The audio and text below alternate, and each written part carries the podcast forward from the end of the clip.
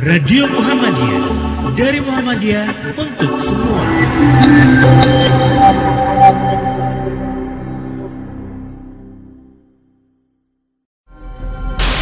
Radio Muhammadiyah. Radio Muhammadiyah. Radio Muhammadiyah. Radio Muhammadiyah. Radio Muhammadiyah. Radio Muhammadiyah. Radio Muhammadiyah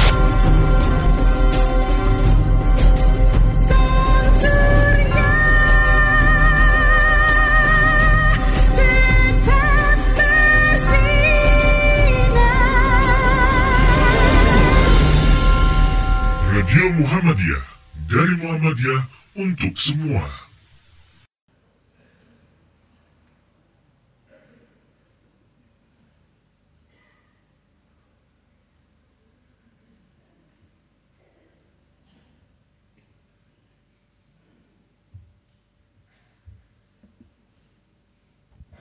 Bismillahirrahmanirrahim. Assalamualaikum warahmatullahi wabarakatuh. Innal hamdalillah nahmaduhu wa nasta'inuhu wa nastaghfiruh wa na'udzu billahi min sururi anfusina wa min sayyiati a'malina may yahdihillahu fala mudilla lah wa man fala hadiya lah asyhadu an la ilaha illallah wahdahu la syarika lah wa asyhadu anna muhammadan abduhu wa rasuluh Qala ta'ala fi kitabil karim a'udzu billahi minasyaitonir rajim bismillahirrahmanirrahim Ya ayyuhalladzina taqullaha haqqa tuqatih wa la tamutunna illa wa antum muslimun. Yang kami hormati Ustadz Bahtiar Nasir dan juga Ustadz Fatur Rahman Kamal.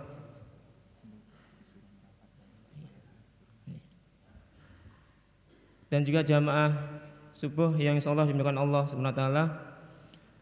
Alhamdulillah pada kesempatan pagi hari ini kita diberikan kesempatan lagi oleh Allah dalam kondisi yang sangat-sangat istimewa. Karena kita dikumpulkan di sebuah masjid, kita di, mengawali kegiatan hari ini dengan sholat tahajud, dilanjutkan dengan sholat subuh berjamaah dan insya Allah nanti akan dilanjutkan dengan uh, tausiah uh, bersama Ustadz Batiar Nasir dengan Ustadz Fatur Rahman Kamal. Tapi sebelum kita mulai, uh, kami mohon para jamaah bisa merapat ke depan supaya jamaah yang di luar bisa masuk. Monggo silahkan langsung saja depan sebelah utara ini bisa dipakai, masih ada tempat yang luang.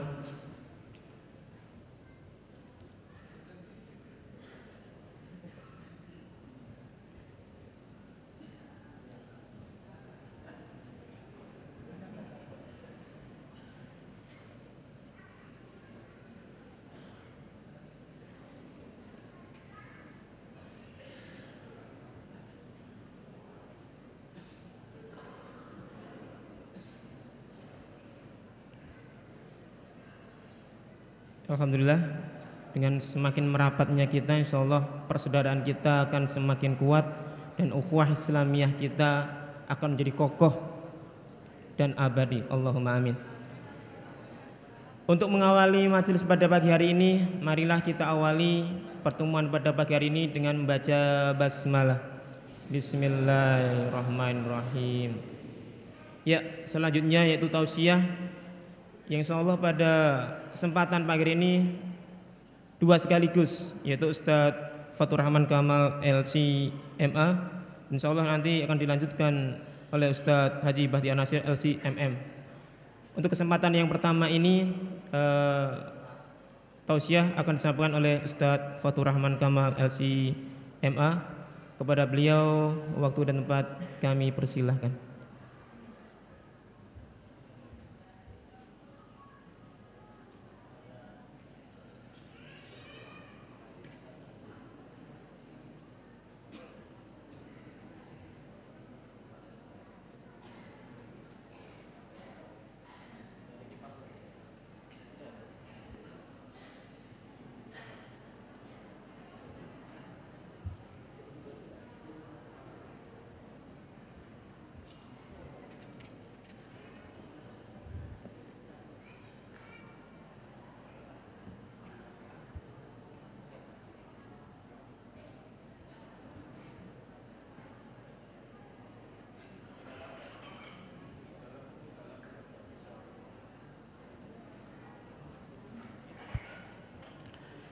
Assalamualaikum warahmatullahi wabarakatuh.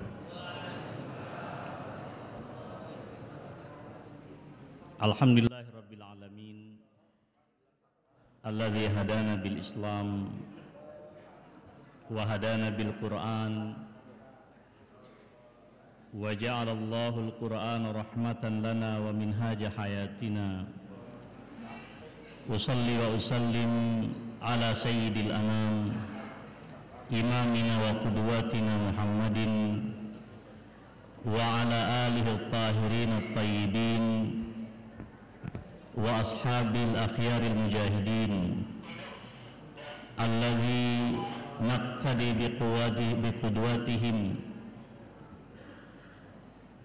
ومن تبعهم بإحسان إلى يوم الدين. أصبحنا على فطرة الإسلام. وعلى كلمة الإخلاص وعلى دين نبينا محمد صلى الله عليه وسلم وعلى ملة أبينا إبراهيم حنيفا مسلما وما كان من المشركين. أوصي نفسي وإياكم بتقوى الله فقد فاز المتقون. Ustaz Bakhtiar Nasir yang saya muliakan dan segenap jamaah salat subuh. Rahimani wa rahimakumullahu jami'an. Wa jama'ana wa iyyakum fi mustaqarri rahmatihi wa fil firdausil a'la insyaallah. Hadirin yang saya muliakan semoga Allah mengumpulkan kita semua di dalam naungan rahmat dan kasih sayangnya. Dan semoga Allah mengumpulkan kita di Al-Firdaus Al-A'la insyaallah.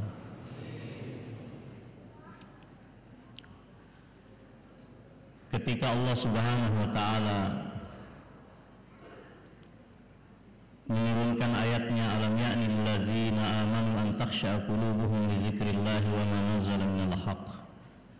Wa la yakunu kalladzina utul kitaba min qabl فطال عليهم الأمد فقست قلوبهم وكثير منهم فاسقون Belumkah tiba saatnya bagi orang-orang yang beriman agar hati mereka khusyuk, agar hati mereka tunduk dalam berzikir kepada Allah Subhanahu wa taala dan menerima kebenaran yang datang dari Allah. Dan agar jangan mereka berperilaku dan berkarakter. Seperti orang-orang ahli kitab. Semakin lama mereka berinteraksi dan membaca kitabnya bukan pencerahan bukan transformasi yang mereka dapatkan tetapi hati mereka semakin keras. Dan jika hati kita ini keras di dalam berhadapan dengan ayat-ayat Allah dengan wahyu Allah yang dibawa oleh Rasulullah sallallahu alaihi wasallam maka yakinlah seperti akhir dari ayat yang saya sampaikan tadi wa katsirun minhum fasiqun. Akan banyak umat yang berperilaku fasik berpengetahuan tapi berkhianat terhadap ilmunya mengetahui hukum tapi mengkhianati konstitusi dengan pengetahuan hukumnya, memahami ekonomi, tetapi merusak sendi-sendi perekonomian bangsa. Itu adalah tipologi orang-orang fasik yang diisyaratkan oleh Allah Subhanahu wa taala. Masyarul muslimin rahimakumullah. Ketika ayat itu turun Abdullah bin Mas'ud radhiyallahu taala menyatakan maka baina islamina wa baina nutibna bihadil ayah illa arba'u Ketika ayat itu diturunkan usia keislaman kami kata beliau tidak lebih dari empat tahun. Allah sudah turunkan ayat untuk mengevaluasi keislaman dan keimanan para sahabat. Tidakkah cukup bagi kalian waktu empat tahun untuk melakukan perenungan, introspeksi, muhasabah.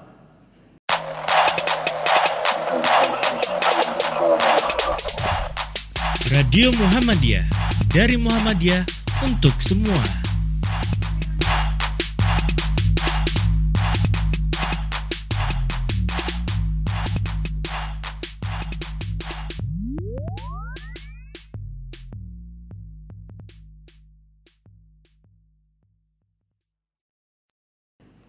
Apakah ayat-ayat Al-Quran itu dan ajaran-ajaran Rasulullah Sallallahu Alaihi Wasallam cukup efektif di dalam mengarahkan hidup kita. Hari kita, hari ini kita boleh bertanya pada diri kita masing-masing. Seberapa Al-Quran memiliki otoritas dan seberapa Al-Quran menjadi guideline di dalam kehidupan kita. Ataukah kemudian seperti yang diisyaratkan oleh Rasulullah sallallahu alaihi wasallam ya'ti alaikum zaman la yabqal Qur'an illa rasmu. Al-Qur'an tidak abadi kecuali tulisan. Al-Qur'an tidak implementatif kecuali bahwa ayat-ayatnya menghiasi dinding rumah kita dengan kaligrafi yang begitu indah. Al-Quran belum menjadi paradigma hidup kita kecuali hanya Al-Quran dilombakan, dikompetisikan dari tingkat kelurahan sampai dunia. Al-Quran belum menjadi worldview kita, cara pandang hidup kita, perspektif kita, di dalam memandang berbagai macam persoalan di hidup kita. Al-Quran hanya menjadi lifestyle kita. Al-Quran hanya menjadi bagian dari gaya hidup, tapi belum menjadi the way of life, jalan kehidupan. Bukankah rapuhnya satu bangsa adalah ketika dia sudah tidak peduli dengan sendi-sendi spiritualnya, Indonesia sebagai bangsa muslim saya kira menjadi tanda kehancuran dan kebinasaan ketika umat Islam bahkan tidak peduli lagi dengan Al-Quran. Masyaallah muslimin rahimahumullah. Ini sesungguhnya ketika Rasulullah hidup lebih dari 14 abad yang lalu Beliau sallallahu alaihi wasallam mengeluhkan kehadapan Allah Subhanahu wa taala dan itu diabadikan di dalam Al-Qur'an surat Al-Furqan ayat 30. Wa qala ar-rasul ya wa qala ar-rasul ya rabbi inna qaumi ittakhadhu hadha al-qur'ana mahjura. Rasulullah curhat.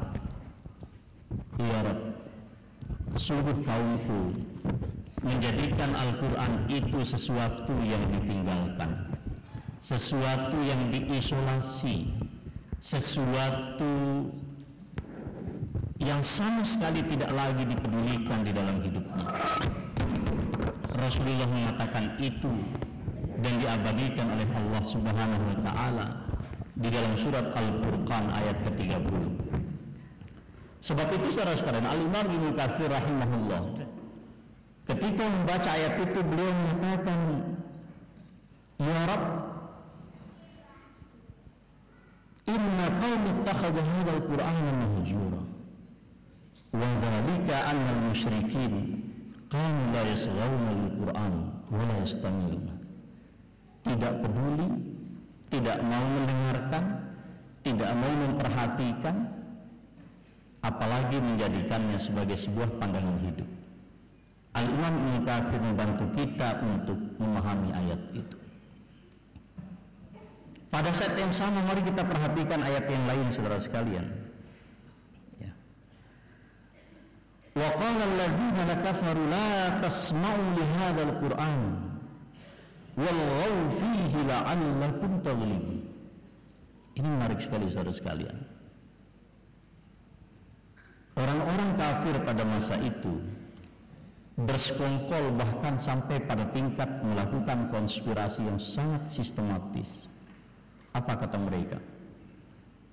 Jangan kalian dengarkan Al-Quran ini dan buatlah Al-Quran ini di dalamnya berbagai macam permainan kata-kata, berbagai macam kata-kata manipulatif, berbagai macam ucapan-ucapan yang bisa memperdaya umat Islam. Itu kata Allah di dalam Al-Quran.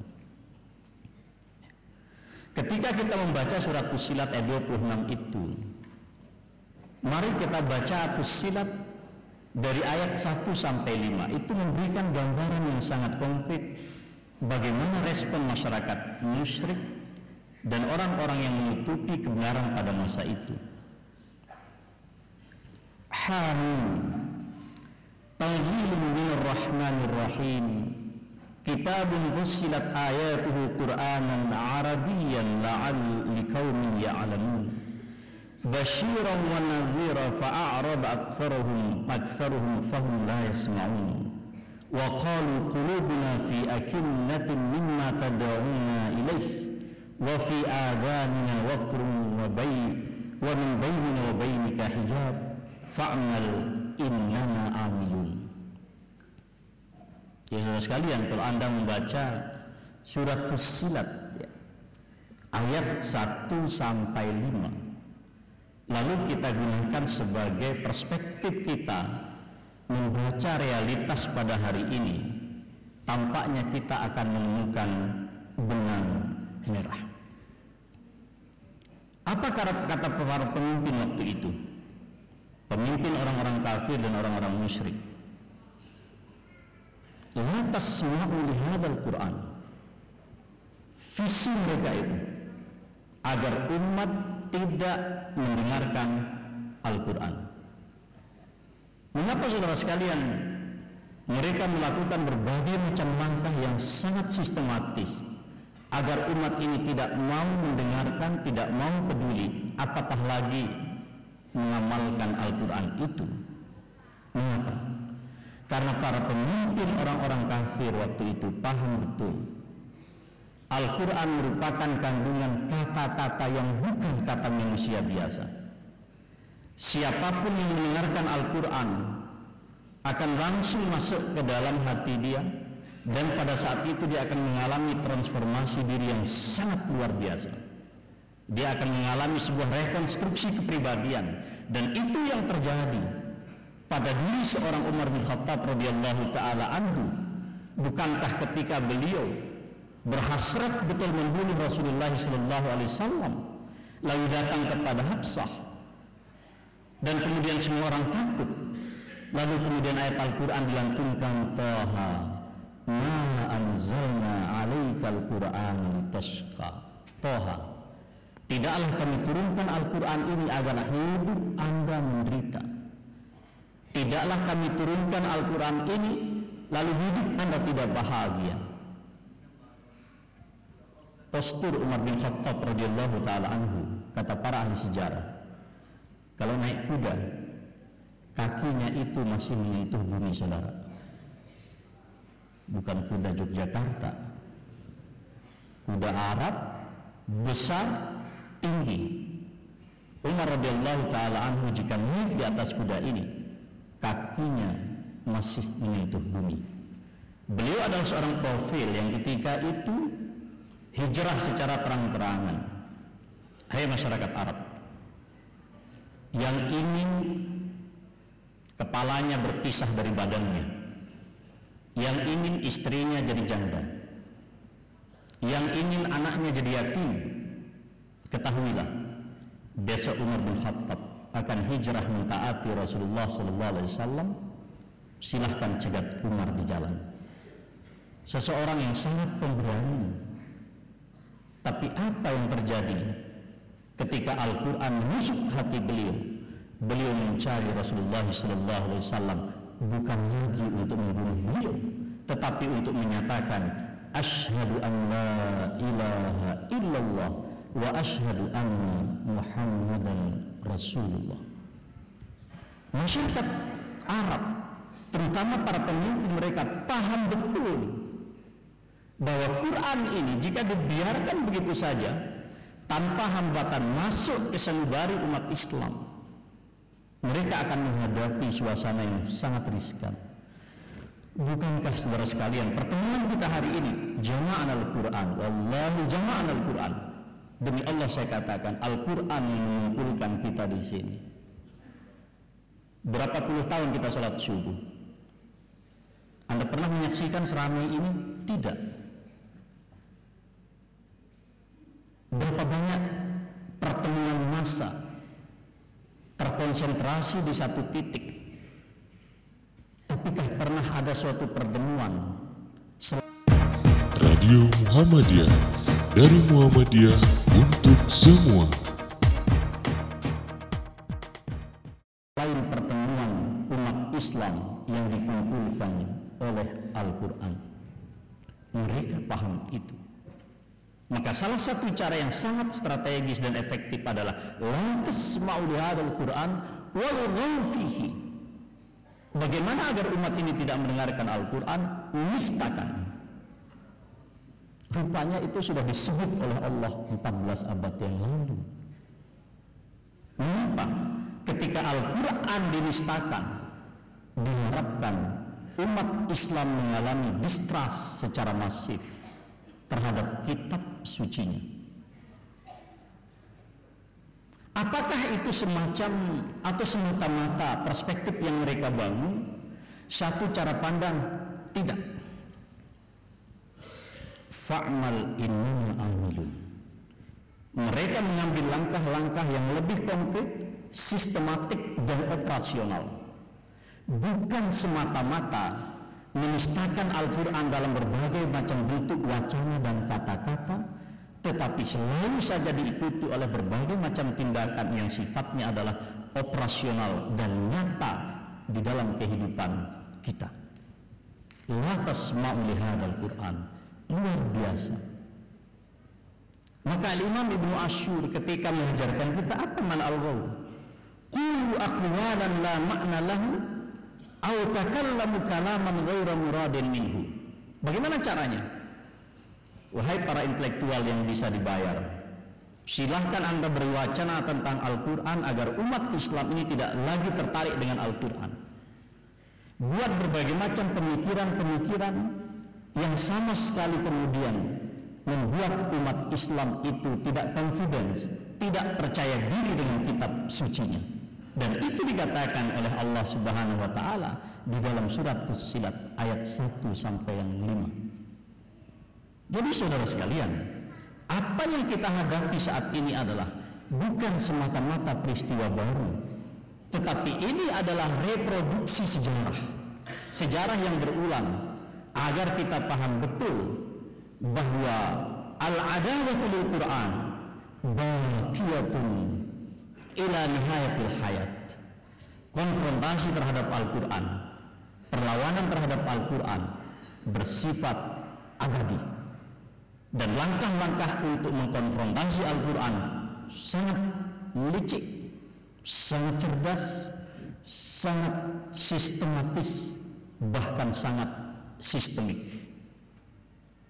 Anda perhatikan saat ini bagaimana kita menghadapi berbagai macam celaan-celaan al-istihza lebih dari apa yang dibayangkan oleh orang-orang musyrik nikah pada masa itu. Saudara sekalian yang saya muliakan, mengapa orang berperilaku terhadap itu? Nauzubillah, jika ada di antara umat ini yang berperilaku seperti itu, tidak mau mendengarkan Al-Quran, acuh tak acuh terhadap Al-Quran, bahkan lebih jauh ikut menistakan Al-Quran, maka saya katakan, mari kita baca ayat Al-Quran di dalam Al-Baqarah ayat 74. Summa qasat qulubukum min ba'di dzalika fahiya kal hijarati aw ashaddu qaswa. Wa inna minal hijarati lama yatafajjaru minhu al-anhar. Wa inna minha lama yahbitu min khasyiatillah. Luar biasa ya. Di antara batu granit itu, itu saja bisa mencrat air dengan kekerasan yang sedemikian dahsyat. Apa kata para mufassir? Saudara sekalian, ketika Allah Subhanahu wa taala menunjukkan kemujizatan pada diri Rasulullah sallallahu alaihi wasallam bukan kemudian hati mereka tercerahkan tapi hati itu mengeras. Sama sekali tidak mengambil inspirasi dan pelajaran apa pun meskipun Al-Qur'an itu dijamin oleh Allah Subhanahu wa taala sebagai satu mukjizat yang isinya itu tidak mungkin bisa dikalahkan. Tapi apa kata para ulama kita? Hadhil mu'jizat al-khariqah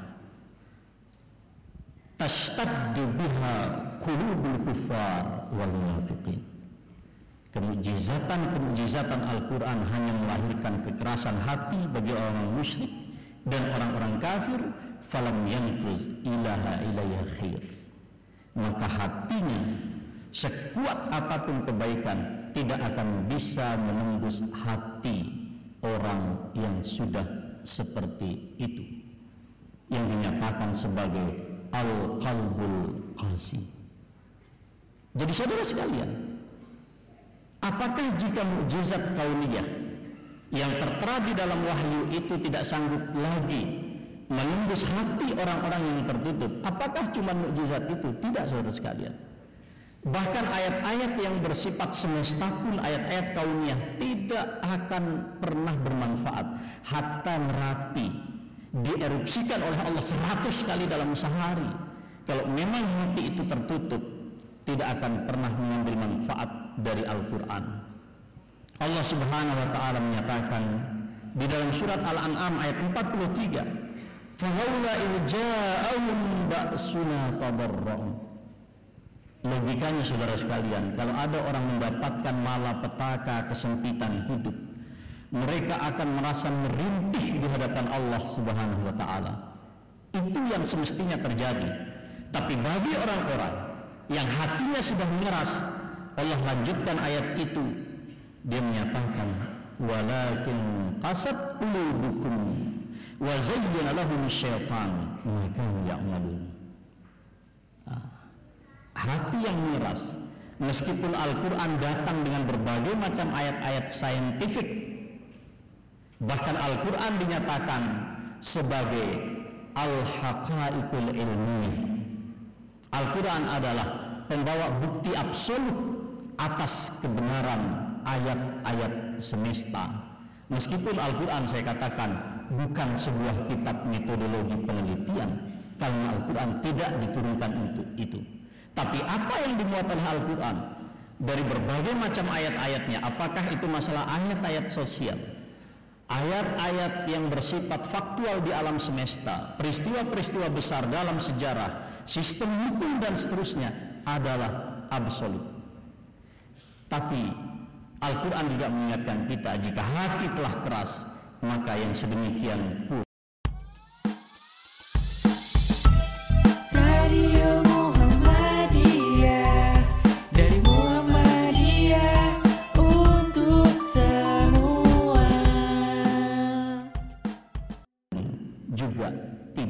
akan bermanfaat. Wa man tawalla fama arsalna fama arsalna fama arsalnaka alaihim hafizah. Jadi kalau orang-orang memang sudah cenderung untuk mengambil jarak dari Al-Quran, sehebat apa pun yang disebut dengan energi 212, tidak akan pernah bermanfaat. Maka ini harus yang kita rawat. Bagaimana agar umat kita memahami persoalan hidup dan bagaimana mereka meletakkan Al-Quran sebagai paradigma dan panglima di dalam kehidupan kita. Walaupun Allah sudah jelas menyatakan Allah sangat jelas menyatakan walau kana min 'indi ghairillahi lawajadu fi ikhtilafan katsira. Al-Qur'an ini adalah paradigma ilahiyah. Kalau Al-Qur'an ini bukan dari Allah Subhanahu wa taala, maka sungguh pasti di dalam Al-Qur'an ini terdapat, terdapat banyak sekali kontradiksi. Tapi kita sangat yakin. Umat Islam itu sangat yakin dan kita semua sangat yakin. Al-Quran diturunkan oleh Allah Subhanahu wa taala. Afala yatadabbarun al-Qur'an am ala qulubin aqfalha kalau Al-Qur'an tidak lagi efektif di dalam mengarahkan hidup kita maka yakinlah yang ingin saya katakan seperti juga dikatakan oleh Al-Quran hati kita memiliki penutup yang begitu kuat hari ini mudah-mudahan Allah subhanahu wa ta'ala membuka tutup bagi hati-hati yang sedemikian keras. Saudara sekalian yang saya muliakan, innamal mu'minuna alladzina idza dzukirallah wajidat qulubuhum wa idza tuliyat alaihim ayatu zadatuhum imana wa ala rabbihim yatawakkalun. Itu adalah manifestasi daripada orang-orang yang tercerahkan dengan Al-Quran. Jangankan keseluruhan Al-Quran dibaca, beberapa ayat saja dibaca, orang-orang beriman akan tergetar. Bukan hanya tergetar secara fisik, Pak, tetapi getaran ini kemudian adalah getaran yang bersifat spiritual dan kemudian menginspirasi mereka, memberikan arahan kepada mereka untuk melakukan tindakan-tindakan yang konkret dan operasional di dalam mereformasi kehidupan kita khususnya dalam kehidupan berbangsa dan bernegara. Saya ingin memberikan contoh saudara sekalian. Umar bin Abdul Aziz rahimahullah, seorang khalifah yang luar biasa. Beliau adalah orang yang adil soleh, pemimpin pada masa itu. Dan di saat beliau mau meninggal dunia, wa ala firasil maut, beliau di atas ranjang kematian pada saat itu. Beliau meninggalkan kurang lebih 12 anak yang tidak semuanya orang-orang yang survive untuk hidup. Lalu kemudian para pembantu mengusulkan kepada beliau agar memberikan surat perintah atau wasiat di mana Umar bin Abdul Aziz bisa mengeluarkan sebagian harta dari Baitul Mal. Apa jawab beliau? Sebagai seorang presiden ketika itu, bukan kemudian memanggil para menko-menkonya itu, lalu disuruh membuat instruksi presiden agar harta dari perbendaharaan negara dikeluarkan untuk anaknya. Tidak. Beliau membaca ayat Inna waliyallahu alladhi nazzala al-kitab wa huwa yatawallas salihin. Sesungguhnya pelindungku adalah Allah zat yang maha menurunkan kitab ini dan dialah Allah yang akan melindungi orang-orang yang saleh. Anak saya yang 12 orang ini di antara mereka mereka akan menjadi anak-anak yang saleh maka Allah yang akan melindungi hidup mereka. Tapi di antara mereka nauzubillah ada yang menjadi anak-anak yang tidak soleh lalu suka bermaksiat, maka Umar bin Abdul Aziz tidak mau dicatat oleh Allah sebagai orang tua yang meninggalkan warisan yang digunakan oleh anak-anaknya untuk menista dan melawan Allah Subhanahu wa taala dalam berbuat maksiat. Itu yang dikatakan oleh beliau. Mengapa beliau bisa mengatakan itu? Karena Al-Quran sedemikian rupa menjadi paradigma hidup dia. Oleh karena itu saudara sekalian sering kita dapatkan ketika suatu hari Rasulullah Sallallahu Alaihi Wasallam duduk bersama dengan Abdullah ibnu Mas'ud, Rasul mengatakan Iqra alaihi Quran. Ibnu Mas'ud bacakan Quran itu. Wahai Rasulullah, apakah saya harus membacakan Al-Quran sementara Al-Quran ini diturunkan kepadamu? Iqra alaihi Al-Quran. Bacakan Quran itu. Sampailah beliau melantunkan ayat itu dan sampai di satu penggalan ayat ya fa kaifa idza ji'na min kulli ummatin bisyahid wa ji'na bika ala haula'i syahida. Nabi menangis. Tidak sanggup lagi meneruskan kata-katanya. Itu orang kalau tersentuh Al-Quran. Saya mengingat dialog Ketua Umum Muhammadiyah Bapak Haidar Nasir. Ketika ditanya setelah membaca ayat wa idza aradna an nuhlika qaryatan amarna mutrafiha fafasaqu fiha jika kami ingin menghancurkan satu negeri kami perintahkan orang-orang elit di situ elit negara elit politik elit ekonomi elit agama untuk melakukan kerusakan lalu mereka diberikan peringatan mereka abaikan semua itu maka pada saat itulah siksa Allah akan datang dan negeri itu akan hancur. Kita lihat pada saat itu beliau tidak lagi sanggup meneruskan kata-kata. Rasulullah SAW ketika mendengarkan ayat dibaca oleh Mas'ud juga demikian. Hai Muhammad, bagaimana nanti pada hari kiamat setiap umat itu akan didatangkan saksi. Siapa saksi itu?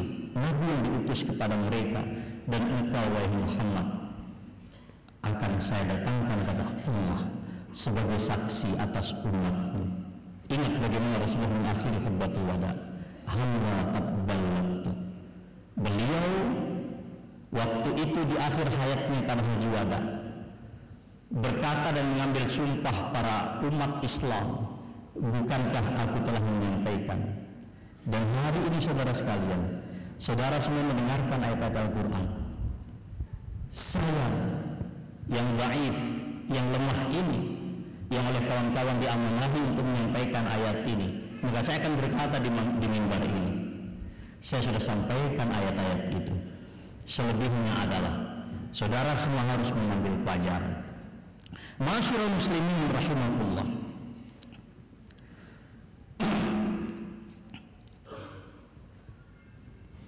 Bagaimana agar Al-Quran ini bisa menjadi paradigma menjadi jalan kehidupan yang operasional di dalam kehidupan kita pertama saudara sekalian saya mengajak kita sebagai bangsa muslim terbesar di muka bumi di planet ini satu kita harus mengembalikan posisi Al-Quran ke titik epicentrum dan kebudayaan kita dan mengakhiri segala bentuk tindakan yang mengisolasi Al-Quran. Saudara tidak perlu menunggu waktu untuk mengamalkan 30 juz Al-Quran. Satu ayat Al-Quran yang Anda pahami, amalkan. Sebagaimana juga para sahabat radhiyallahu taala anhu melakukan itu. Dalam konteks hidup kita saat ini saudara sekalian, ketika terjadi berbagai macam konfrontasi ideologi, ada liberalisme, ada komunisme, ada individualisme, ada kapitalisme, ada sosialisme dan semua macam isma itu saat ini umat Islam ditunggu oleh Allah dan akan dilihat oleh Allah. Apakah kita menjadi umat yang bisa menjadikan Al-Quran sebagai panglima di dalam kehidupan kita, dalam memandang realitas kita, Al-Quran menjadi paradigma di dalam memandang politik, di dalam memandang ekonomi, di dalam memandang sistem hukum, di dalam memandang sistem sosial, dan di dalam memandang seluruh aspek kehidupan kita. Umat Islam harus sanggup melakukan itu. Yang kedua, saudara sekalian, saatnya umat Islam harus menyadari kita adalah umat yang pernah memiliki peradaban. Rasulullah Sallallahu Alaihi Wasallam dikatakan oleh semua sejarawan sebagai satu-satunya makhluk Allah di muka bumi yang sanggup membangun sebuah peradaban yang luar biasa kurang dari 25 tahun bahkan dikatakan hanya dalam waktu 23 tahun Rasulullah SAW menghadapi suasana yang sama sekali syarat dengan berbagai macam perilaku hidup yang dehumanisasi menistakan segala bentuk kemanusiaan menjadi sebuah peradaban yang sangat dahsyat waktu itu. Radio Muhammadiyah dari Muhammadiyah untuk semua. Dan semua sejarawan mengatakan itu.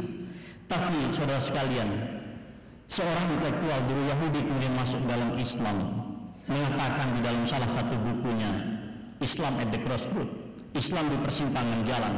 Salah satu permasalahan besar umat Islam hari ini adalah ketika generasi muda Islam tidak pernah paham sejarah peradaban Islam. Orang yang tidak pernah paham sejarah ibarat orang yang menyetir mobil tanpa spion kiri kanan dan tanpa spion di tengah. Silahkan Anda berlari kencang, saatnya Anda akan kecelakaan. Mengapa Anda tidak pernah mengetahui suasana kiri kanan Anda? Anda tidak pernah mengetahui apa yang ada di belakang Anda. Kita boleh fokus ke depan, tapi jangan lupakan sejarah. Mengapa? Karena sejarah adalah ilmu pengetahuan, bahkan sumber ilmu pengetahuan yang dijelaskan oleh Allah Subhanahu wa taala. Yang ketiga saudara kalian, kita harus melakukan atau memberikan pemahaman Al-Qur'an yang autentik. Tidak lagi terjebak dengan berbagai macam tren. Tidak lagi terjebak dengan berbagai macam cara pandang yang sekular yang saat ini tentu saya katakan 15 tahun terakhir saya ingin mengatakan di majelis ini jika Pak Muhammad Natsir mengatakan waktu itu terjadi deideologisasi Islam. Umat Islam dipinggirkan di dalam ideologi politik, ekonomi dan sosial sesungguhnya kata beliau waktu itu adalah gambaran autentik dari apa yang disebut dengan Islamophobia Dan apa yang disebut dengan deideologisasi kata beliau adalah deislamisasi itu sendiri. Islam tidak boleh eksis di negerinya. Jika umat Islam, saya ingin katakan kepada saudara, jika umat Islam tidak menyiapkan landscape keimanan bagi republik ini, satu generasi ke depan akan muncul umat Islam tanpa Islam. Dan satu dekade berikutnya akan muncul republik anti Tuhan.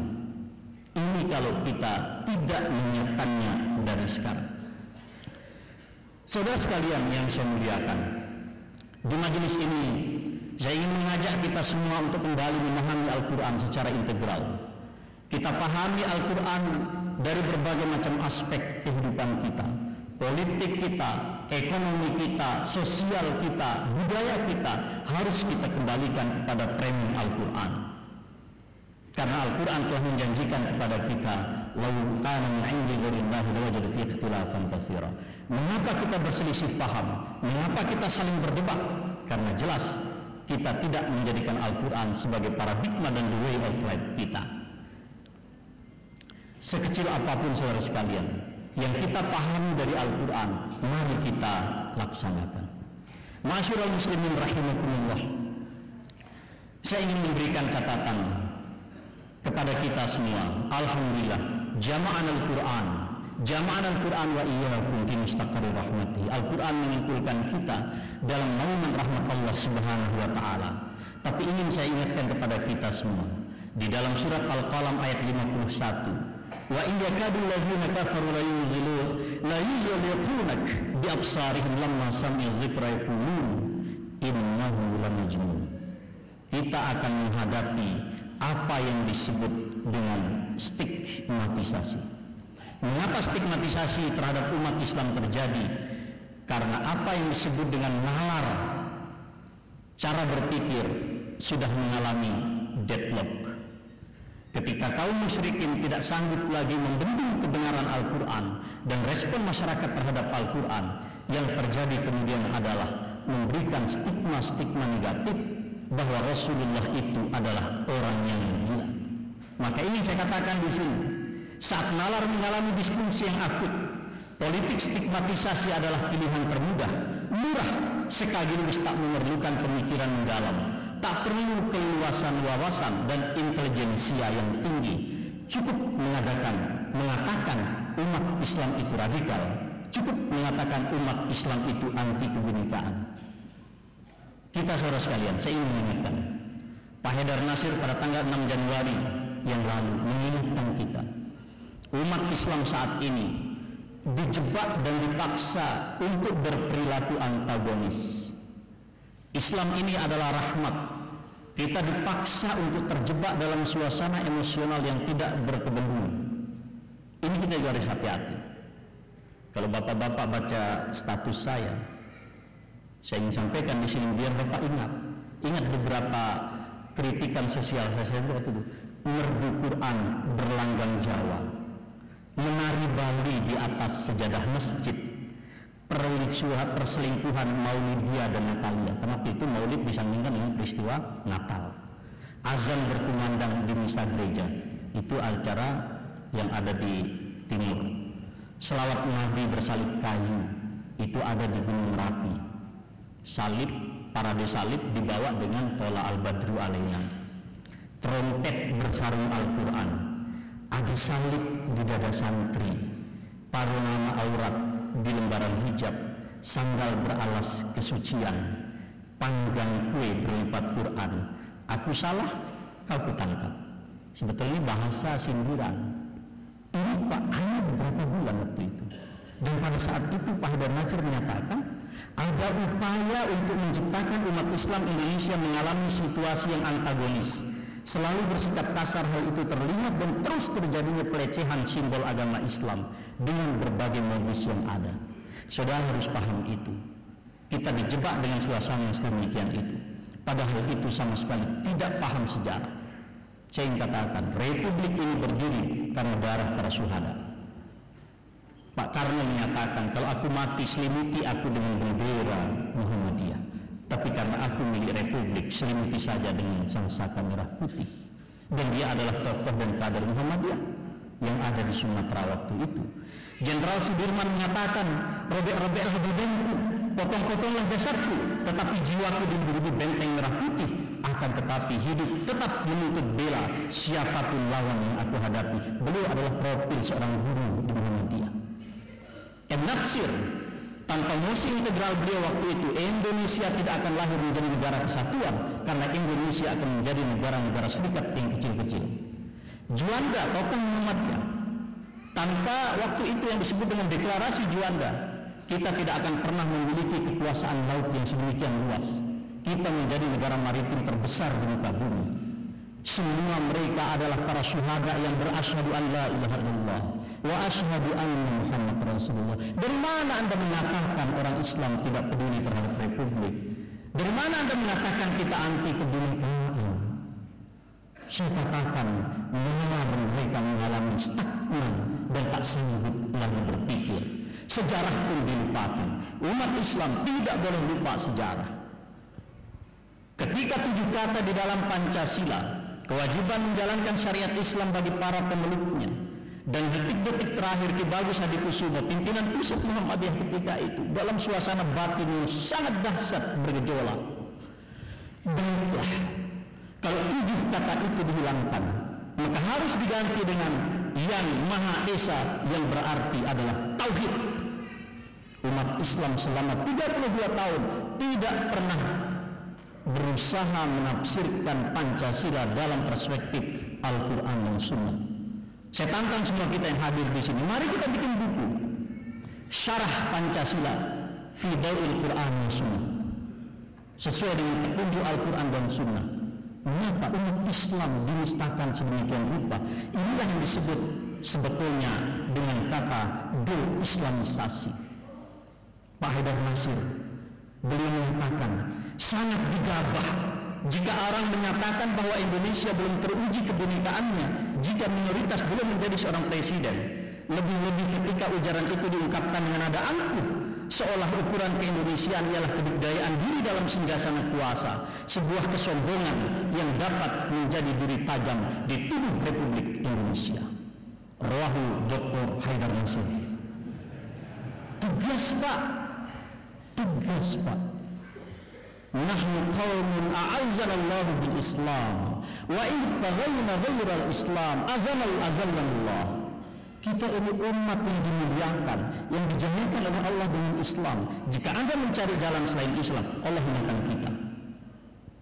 Masa baru bilang gitu aja zaman metro tipu sudah lembek gitu. Jangan saudara. Kita ini mendirikan republik. Para syuhada kita berdarah-darah Jangan sampai seperti yang dikhawatirkan oleh Muhammad Natsir ketika itu kita menjadi mayoritas serasa minoritas. Berbahaya. Jadi saya bukan bukan provokasi, tapi saya ingin sampaikan. Bagi warna Muhammadiyah saya ingin katakan pada tahun 2010 resmi diputuskan di dalam Tanfis Muktamar waktu itu. Apa keputusannya?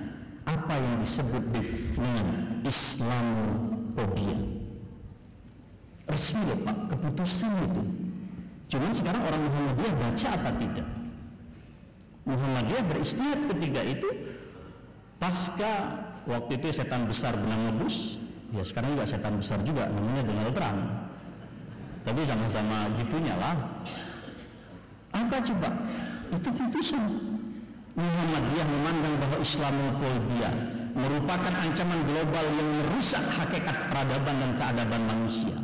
Bertentangan dengan prinsip-prinsip hak asasi manusia serta berbahaya bagi terwujudnya perdamaian dunia. Muhammadiyah menyerukan agar Islamophobia dengan segala bentuk dan manifestasinya yang muncul di sebuah negara harus segera diakhiri. 2010 Muhammadiyah mengatakan itu. Eh 2016 baru diawali Islamophobia dengan cara yang sangat vulgar. Tapi umat harus paham. Islamophobia kata Muhammad Nafir tidak beda dengan deideologisasi Islam pada masa Orde Baru dan deislamisasi pada masa reformasi. Umat Islam dibuat malu dengan Islam sendiri. Anda perhatikan sekarang, negara mana di Barat yang mengatakan mereka kampiun daripada daripada hak asasi manusia, tapi mereka berlaku paradoks semuanya Enggak usah kau ajarkan Islam bagaimana bertoleransi. Cukuplah kawan-kawan yang mengantarkan para pengantin menjadi saksi atas kebinekaan Republik Indonesia. Bukan kebinekaan yang ada di dalam proposal-proposal yang diajukan ke negara-negara donor. Bukan pula akrobat retorika di dalam seminar-seminar bergengsi internasional. Kebinekaan yang autentik adalah ketika ada orang Katolik menikah, di sini ada jutaan massa yang berkumpul. Anda tulus ikhlas mengantarkannya bukan ke masjid, tapi ke katedral, ke gereja. Itulah yang hakiki dan sejati. Bukan kemudian Anda berbusa-busa di forum seminar, Anda katakan kebinekaan ABC. Sudah. Radio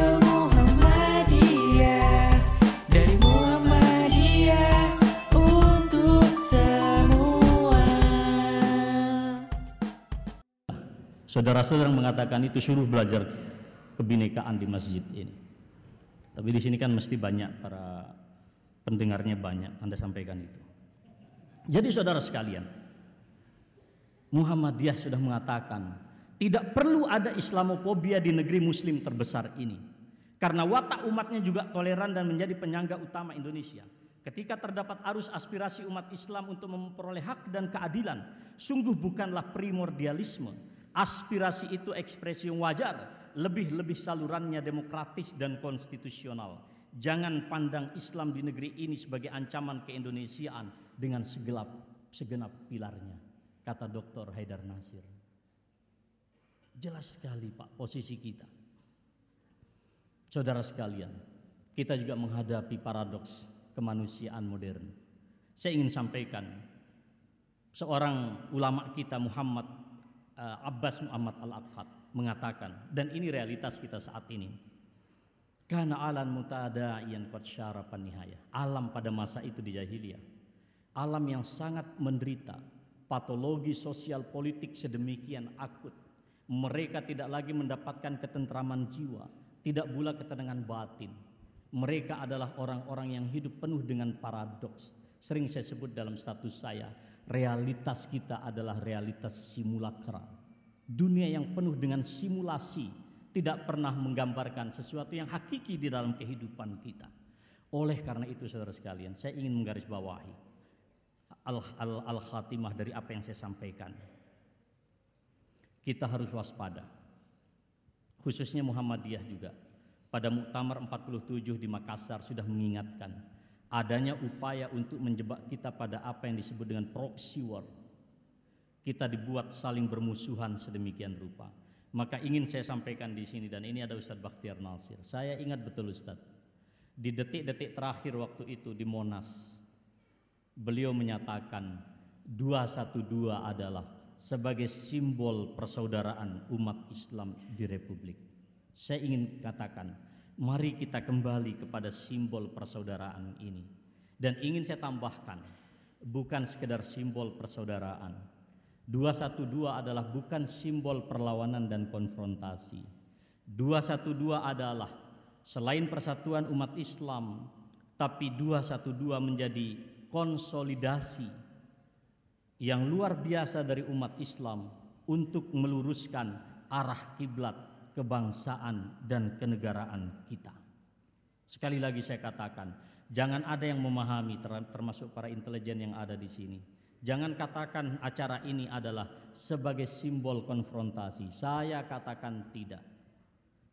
212 spiritnya adalah simbol dan konsolidasi persatuan umat dan menyatukan semua potensi kita untuk menopang negara dalam jalan yang lurus dan benar, tapi juga memberikan masukan-masukan operasional jika kehidupan berbangsa dan bernegara kita keluar dari rel dan dari arah kiblat yang semestinya. Tugas kita kemudian adalah menawarkan berbagai macam paket solusi alternatif dan operasional bagi permasalahan bangsa dan negara kita agar menjadi baldatun tayyibatun warabun ghafur. Ke depan saya pikir berbagai macam resolusi-resolusi di negeri ini dilahirkan oleh otak-otak yang disatukan Al-Quran di dalam 212. Saudara sekalian, terakhir, mari kokohkan persaudaraan ini. Izinkan saya membaca satu halaman penutup dalam tulisan saya. Rapuhnya rumah peradaban kita. Di hari berlipat barokah ini insya Allah. Dengan tulusku sampaikan terima kasihku kepada seekor binatang laba-laba. Bersebab pelajaran penting darinya untuk memberi warna dan makna bagi kehidupanku. Pun pula untuk sahabat-sahabatku yang hadir di majelis ini. Laba-laba atau disebut juga labah-labah kata para ahli adalah sejenis hewan berbuku-buku dengan dua segmen tubuh, empat pasang kaki tak bersayap, tak memiliki mulut pengunyah. Ia juga dikategorikan sebagai hewan pemangsa karnivora, bahkan kadang-kadang kanibal. Sahabat kehidupan ini mampu menghasilkan benang sutra, laba-laba, yaitu helaian serat protein yang tipis namun kuat, yang terbuat dari kelenjar yang terletak di bagian belakang tubuhnya. Jangan pernah tanya kekuatan benang dan jaring rumah laba-laba ini. Kata Harun Yahya, benang yang digunakan laba-laba sama ajaibnya dengan jaring itu sendiri.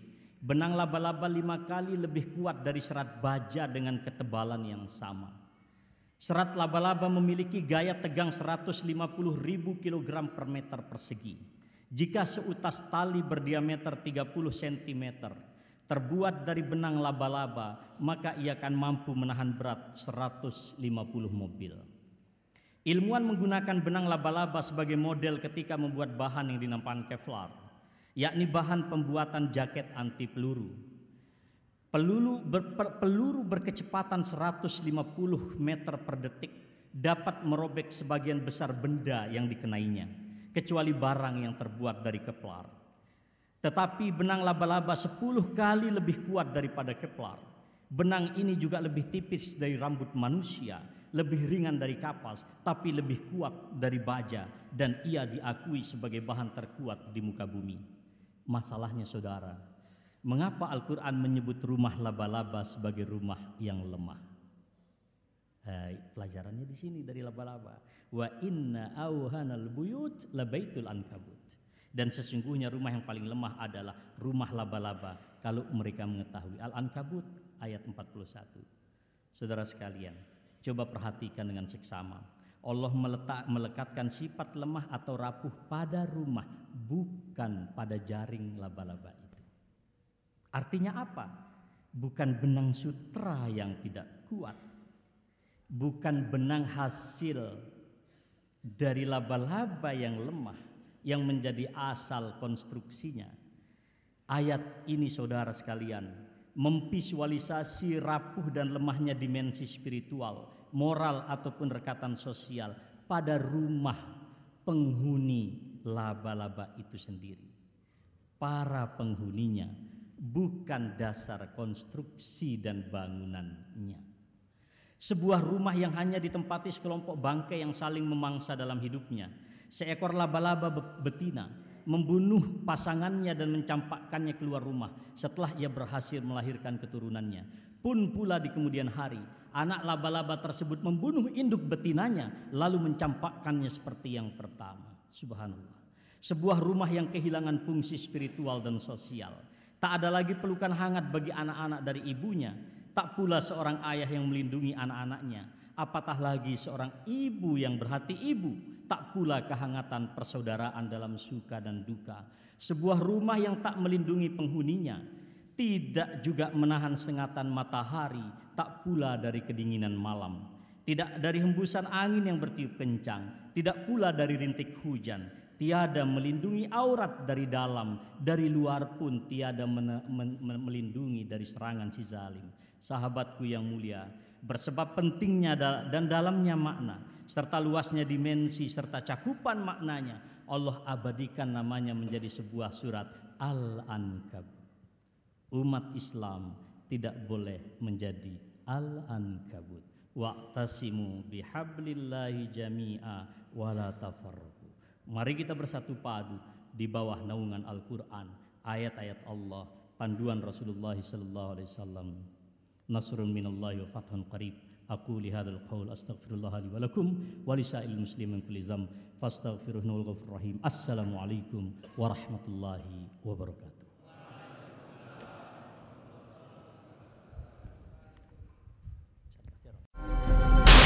Radio Muhammadiyah.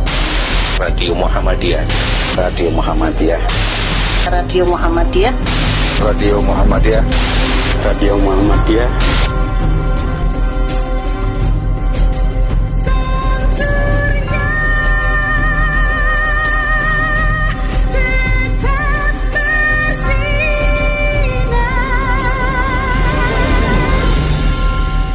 Radio Muhammadiyah dari Muhammadiyah untuk semua.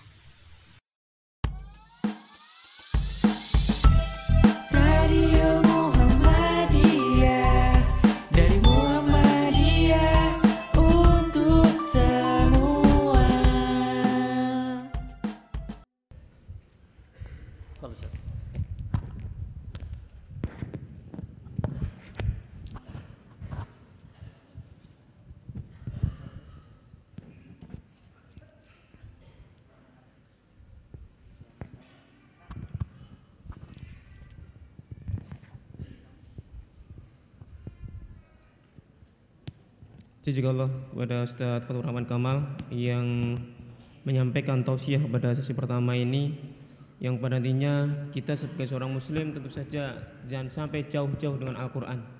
Karena Al-Quran adalah sumber kekuatan kita dan Al-Quran ini adalah petunjuk jalan hidup kita di dunia ini dan menuju ke akhirat yang abadi. Eh, langsung saja untuk yang kedua tausiah yang akan disampaikan oleh Ustadz Haji Bahtiar Nasir LC MM dan insya Allah nanti akan lebih memberikan semangat kepada kita semua izah kita semakin kuat dan insya Allah semangat kita untuk berjuang membela agama Allah akan terus berada dalam hati kita. Allah. Oleh karena itu kepada Ustadz Bahtiar Nasir LCMM untuk tempat kami persilakan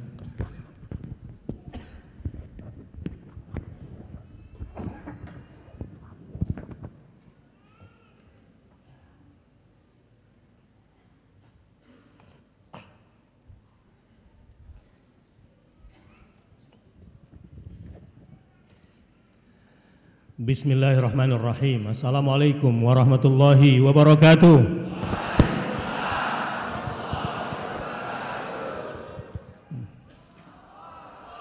Masih semangat? Coba saya mau dengar takbirnya. Takbir. Innal hamdalillahi nahmaduhu wa nasta'inuhu wa nastaghfiruh wa na'udzu billahi min shururi anfusina wa min sayyiati a'malina. من يهده الله فلا مضل له ومن يضلله فلا هادي له أشهد أن لا إله إلا الله وأشهد أن محمدا رسول الله اللهم فصل وسلم وبارك على نبينا وحبيبنا وشفيعنا وقائدنا ومولانا محمد صلى الله عليه وسلم وعلى آله وصحبه وسلم Kiai Haji Fatur Rahman Kamal Hafizakumullah yang eh, saya sangat menikmati paparan beliau yang bagus sekali. Walau saya lihat sebelah kanan mungkin karena semalam tahajudnya agak panjang kali ya. Ini khusyuk sekali. Yang sebelah kiri juga mungkin sambil berzikir dia. Dan sound system di bawah kelihatannya kurang terdengar, jadi ya, boleh naik ke atas. Sekarang tugas saya adalah mencoba membumikan atau mengajak saudara-saudara sekalian, sahabat-sahabat seperjuangan semua apa yang disampaikan oleh eh, Kiai Haji Fatur Rahman Kamal tadi dalam bentuk keseharian. Saya mau bertanya, kalau Anda atau sahabat semua hidup di zaman Fir'aun, kira-kira ikut Musa atau ikut Fir'aun? Gak yakin saya.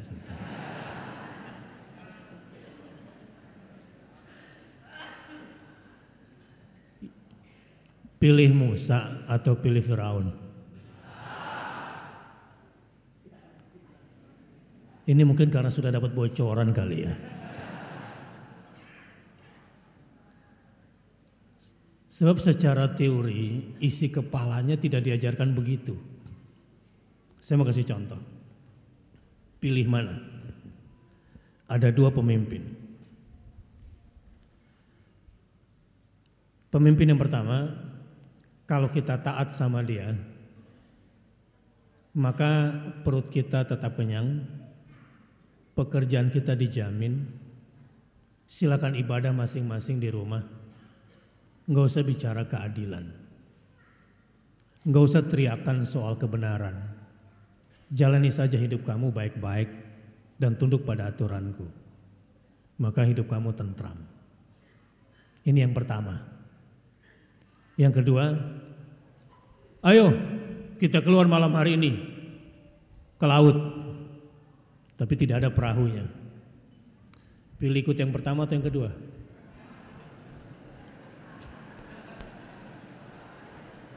Lo tadi katanya ikut. Usah. Gimana? Pilih pada yang pertama atau yang kedua? Gak percaya saya. Yang bangun jalan-jalan di Mesir. Yang memberikan kartu Mesir pintar misalnya gitu ya. Contoh. Kartu Mesir sehat kan gitu.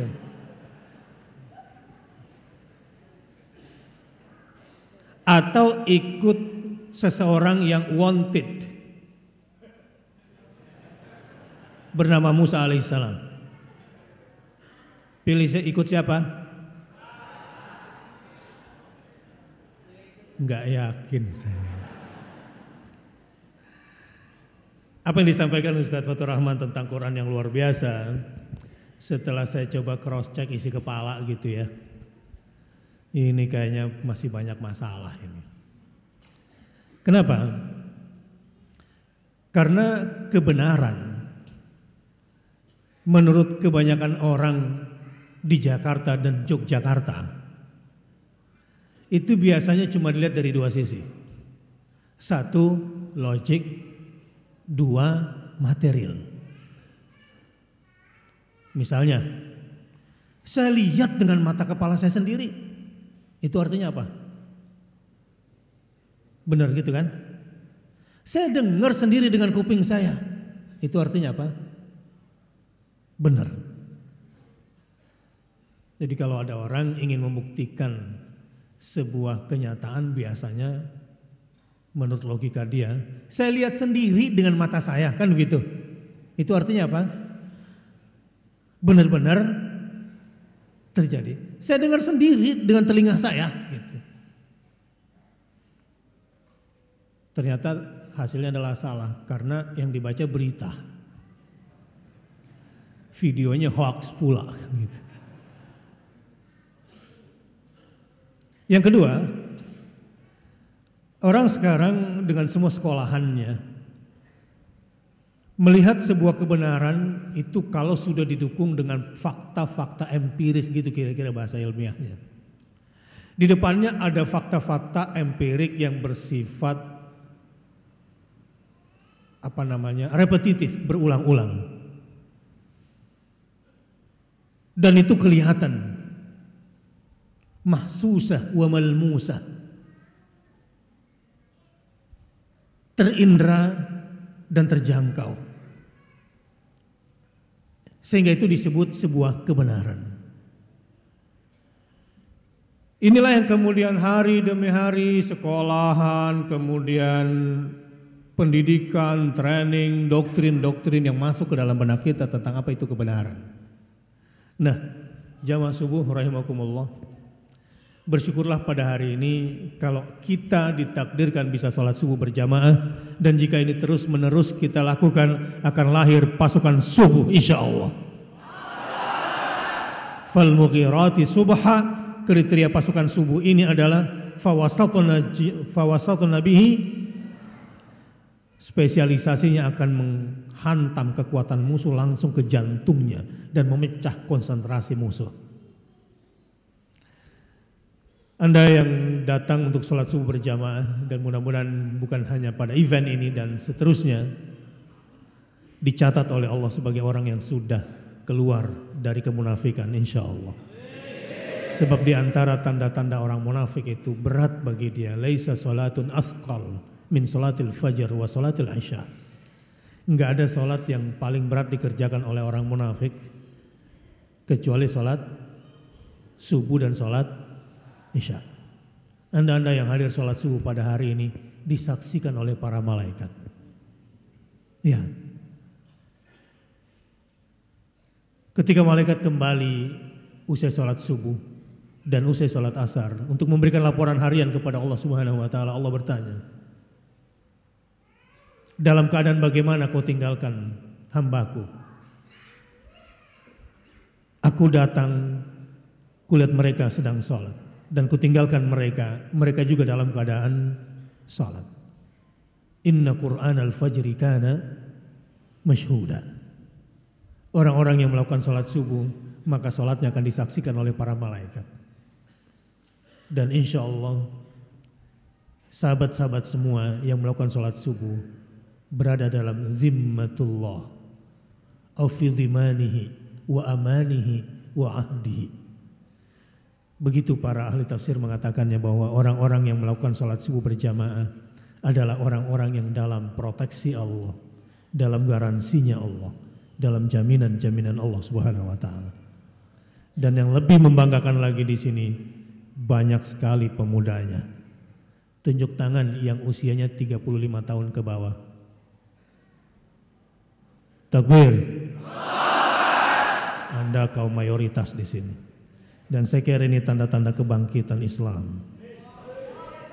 Kalau mau melihat kualitas sebuah masyarakat, siapa orang-orang yang menjadi pilihan Allah, maka lihat jamaah subuhnya. Dan kali ini saya mau tanya, yang usianya 35 tahun ke atas, angkat tangan. Minoritas. Dan ini tentu tanda-tanda yang sangat membahagiakan, tapi jangan lihat usianya. Lihat apanya? Semangatnya. Baik. Buya Hamka. Kali ini saya memilih kemuhammadiyahan kita hari ini untuk mengembalikan semangat kita, semangat kemuhammadiyahan kita. Saya menyebut kita karena saya merasa menjadi satu bagian yang tidak pernah bisa terpisahkan. Bu Hamka bilang, ketika menjelaskan tafsir surah Al-Asr, jadi orang itu harus jadi orang yang benar.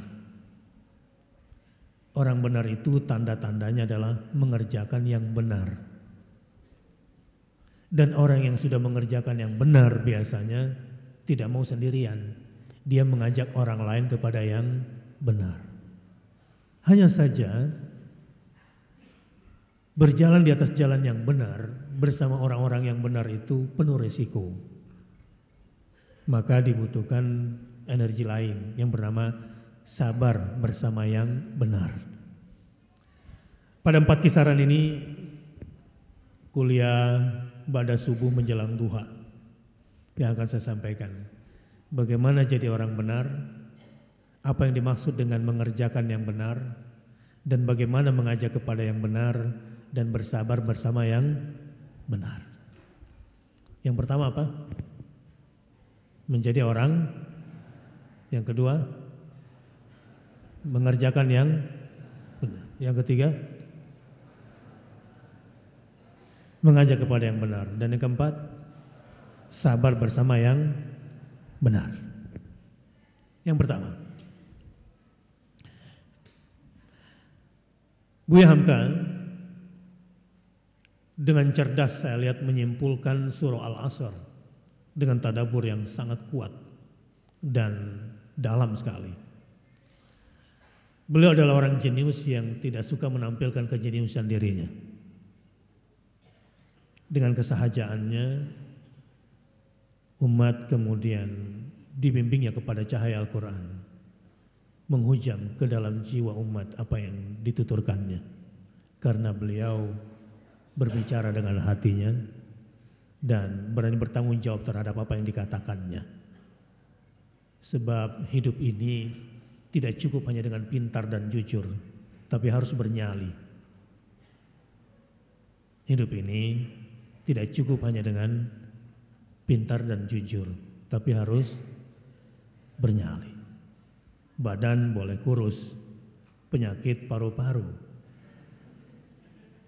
Tetapi dia adalah sang jenderal besar. Sang jenderal besar itu ternyata bukan dari militer awalnya, hanya seorang guru Muhammadiyah dengan jiwanya yang besar. Sahabat-sahabat seperjuangan yang saya cintai. Bu Hamka ketika menafsirkan surah Al-Asr demi masa. Innal insan lafi khusr. Dalam tinjauan detik, menit, jam, hari, minggu, bulan, tahun, windu, dekade, abad, bahkan sampai milenium. Ada banyak peristiwa-peristiwa besar di mana kamu yang sedang berjubel di satu planet, planet yang besarnya tidak lebih besar daripada sebutir pasir di tepi pantai. Sebetulnya tidak tidak kalian sadari ada peristiwa-peristiwa besar di galaksi sana yang tidak kamu perhatikan. Bahkan di dalam kehidupan kamu sendiri ada banyak kelalaian yang kamu lakukan jika ditinjau dari sisi waktu. Innal insana lafi khusr. Sesungguhnya mayoritas manusia dalam kerugian. Tapi bukan kerugian yang kecil. Khusrin dalam bentuk nakirah di sini menunjukkan bahwa kerugian adalah kerugian yang sangat besar. Terutama jika dipandang dengan kacamata kebenaran yang tentunya berdasarkan kriteria-kriteria keakhiratan. Tapi ada sekelompok kecil orang yang tidak merugi, artinya orang beruntung. Siapa dia? Alladzina amanu wa amilus salihati wa tawasau bil haqqi wa tawasau bis sabr. Yang tidak merugi itu adalah orang-orang yang beriman, yang beramal saleh, yang saling berwasiat dalam kebenaran dan saling berwasiat dalam kesabaran. Dari sini sekarang saya ingin jawab. Bagaimana cara jadi orang benar? Jadilah allazina amanu. Jadilah orang yang beriman. Apa yang dimaksud mengerjakan yang benar adalah wa amilus salihat. Apa yang dimaksud dengan mengajak kepada yang benar? Wa tawasau bil Saling berwasiatlah dalam kebenaran. Apa yang dimaksud dengan bersabar bersama yang benar? Wa tawasau bis sabar. Saling berwasiatlah dalam kesabaran. Sekarang saya mau tanya lagi. Pilih Musa atau pilih Firaun? Sebetulnya saya belum yakin.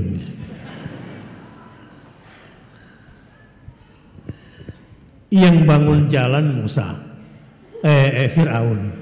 Yang mensejahterakan ekonomi Firaun. Yang membuat pasukannya itu kemudian begitu hebat dan paling ditakuti di muka bumi juga adalah Firaun. Ikut siapa kira-kira? Ini unlogic. Orang-orang di sini nggak logik nih di sini. Betul sekali. Pilihan Anda tidak salah. Jadi pilih ikut ke laut tanpa perahu atau stay di Mesir saja supaya tetap kenyang, bekerja dan nyaman. Orang gila semua di sini. Apa dasarnya Anda mau ke laut aja? Kenapa? Kenapa? Belum ngerasain aja diinterogasi. Belum tahu rasanya dikriminalisasi. Hah?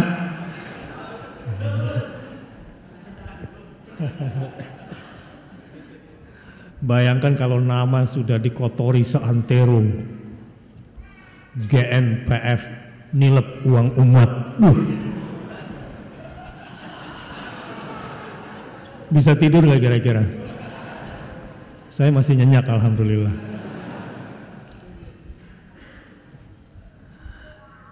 Baik. Musa juga gitu dulu.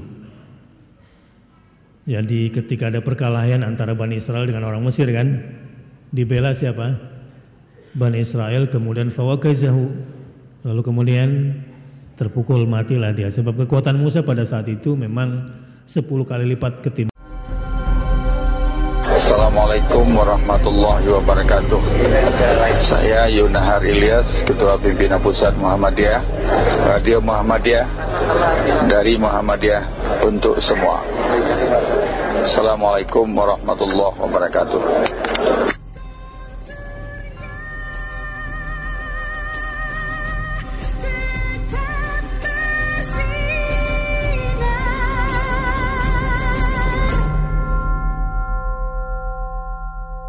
Kekuatan laki-laki di masanya. Sama kayak pemuda-pemuda di sini insya Allah. Masih semangat?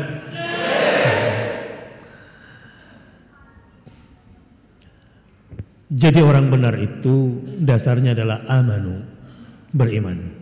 Beriman kepada apa? Billahi wa malaikatihi wa kutubihi wa rusulihi wal yaumil wal qadari khairuhu wa syarruhu.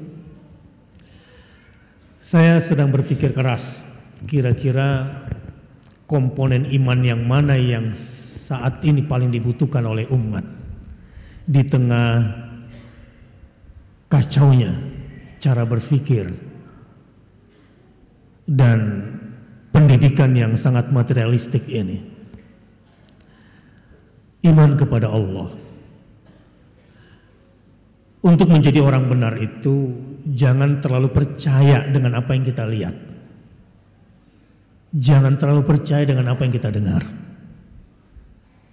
Jangan. Seperti Ibnu Umar. Abdullah Ibnu Umar itu kalau dibacakan kepadanya ayat-ayat Al-Quran seakan-akan sengatan panasnya neraka sudah menyentuh kulitnya. Sahabat kemudian bertanya, bagaimana mungkin kamu bisa mengimajinasikan itu sementara kamu tidak pernah ke neraka? Apa kata Ibnu Umar? Bagiku mata Rasulullah SAW adalah mataku dan aku lebih percaya kepada mata Rasulullah ketimbang mataku sendiri. Bagiku yang didengar oleh telinga Rasulullah itulah yang akan kudengar dan aku lebih percaya pada telinga Rasulullah ketimbang telingaku sendiri. Ini beriman kepada siapa nih Ibnu Umar? Beriman kepada Rasul. Kira-kira Anda begitu nggak imannya? Lalu lebih percaya pada persepsi sendiri atau persepsi Rasul? Nggak percaya saya saja. Tapi nggak apa-apa ini tugas saya memang untuk memahamkannya. Orang-orang yang beriman maka cara dia menjalani hidupnya menjadi orang benar itu luar biasa. Contoh, kalau sahabat-sahabat semua ini menjadi Ibrahim alaihissalam, menjadi Ibrahim alaihissalam, kira-kira berani nggak masuk ke dalam api?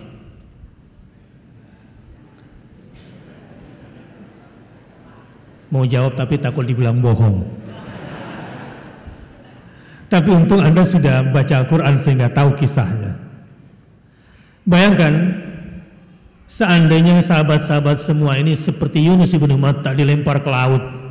Kira-kira senang, tenang, atau ketakutan? Hah? Takut. Takut apa? Takut apa yang orang takutkan kalau dilempar ke laut? Mati, tenggelam. Ya, kan masih bisa berenang sedikit. Takut apa lagi? Ikan hiu. Nah yang datang ini engkongnya hiu.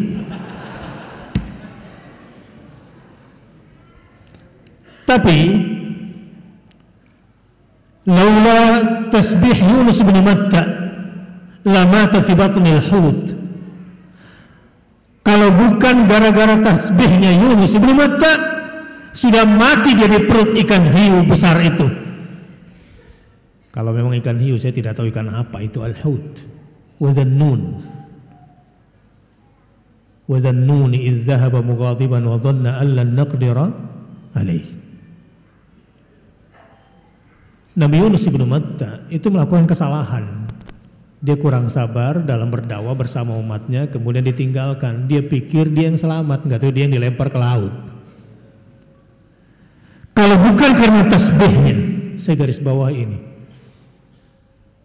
Laula tasbih Yunus bin Matta lamata fi batnil hud. Pasti dia sudah mati di perut ikan besar itu. Jadi apa yang menyelamatkan Yunus bin Matta? Tasbih. Seringan itu? Iya. Ketakutan-ketakutan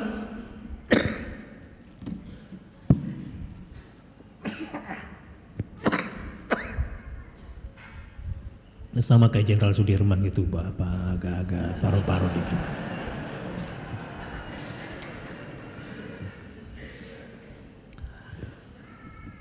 Nyama-nyamain gitu ya. Ya nggak apa-apa kan namanya juga ngefans gitu. Pada sang jenderal besar itu. Ketakutan cukup selesai dengan tasbih bagi orang-orang yang beriman kepada Allah, orang yang berfikirnya benar. Kenapa orang-orang musyrik itu gampang ketakutan? Karena musyrik dia. Di mana kelemahan orang musyrik? Takut kepada yang tidak mendatangkan bahaya. Berharap kepada yang tidak mendatangkan manfaat. Tapi orang-orang yang bertauhid bersih, la ilaha illallah wahdahu la syarikalah. Lahul mulk wa lahul hamd yahyi wa yumiit wa huwa ala kulli syai'in qadir. Dia sudah punya paradigma yang jelas. Wa ma ramaita idh ramaita walakinna Allah rama. Bukan kamu yang melempar, bukan kamu yang memanah saat kamu memanah, tetapi Allah yang mengarahkan anak panahmu. Jelas sekali. Qul la yusibana illa ma kataballahu lana huwa maulana. Tidak akan pernah ada yang bisa menimpakan musibah kepada kami kecuali yang memang sudah ditetapkan oleh Allah. Tapi kalaupun itu terjadi, kami kembali lagi kepada Allah dan Allah lah sebaik-baik maula, pelindungku, waliyuku. Begitu cara berpikir orang-orang yang benar itu. Baik. Jadi sekarang ikut Musa atau ikut Firaun? Orang di Jakarta ikut siapa?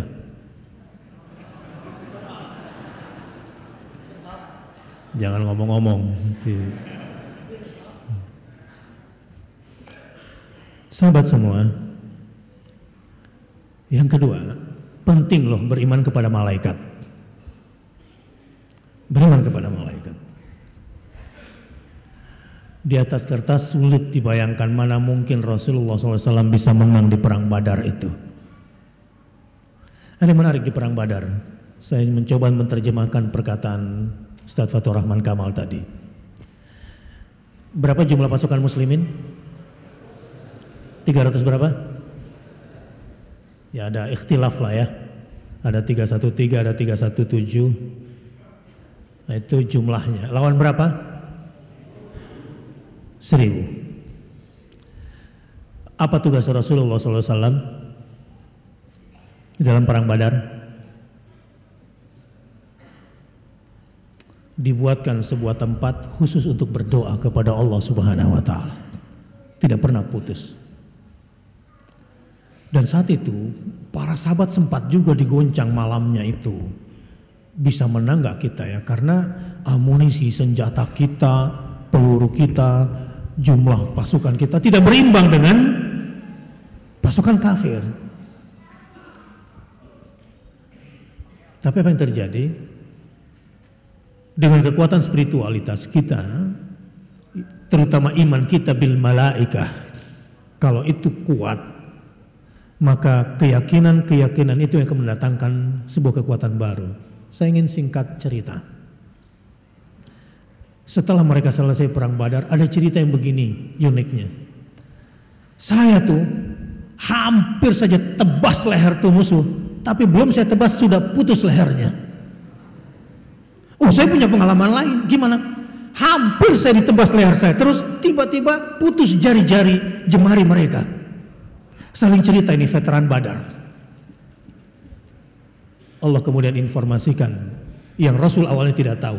Fadribu fokul a'naq wadribu minhum kullabanan.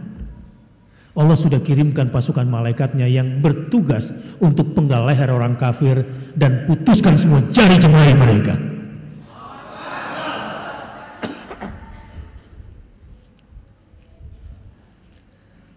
Jadi kalau ada perintah dari Allah, sementara di depan ada tembok, maju terus? Maju atau mundur? Tembok di depan. Hah? Atau negosiasilah bargaining. Indonesia kan biasa, sandra-sandra politik itu biasa. Saya tidak tahu nih Pak Jenderal kira-kira menang nggak dengan semua ancamannya ini. Kalau di bargaining nanti. Pilih mana? Udahlah baik-baik aja Pak, kalau nggak saya bongkar rahasianya nanti. Pilih mana kira-kira? Tetap berjalan di atas kebenaran atau dikuliti? Pilih mana? Ini republik ini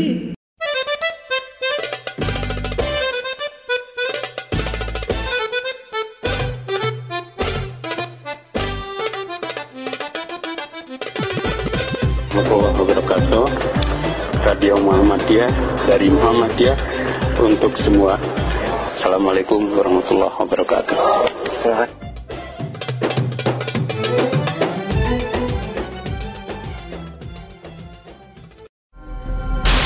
Radio Muhammadiyah. Radio Muhammadiyah. Radio Muhammadiyah. Radio Muhammadiyah. Radio Muhammadiyah. Radio Muhammadiyah Radio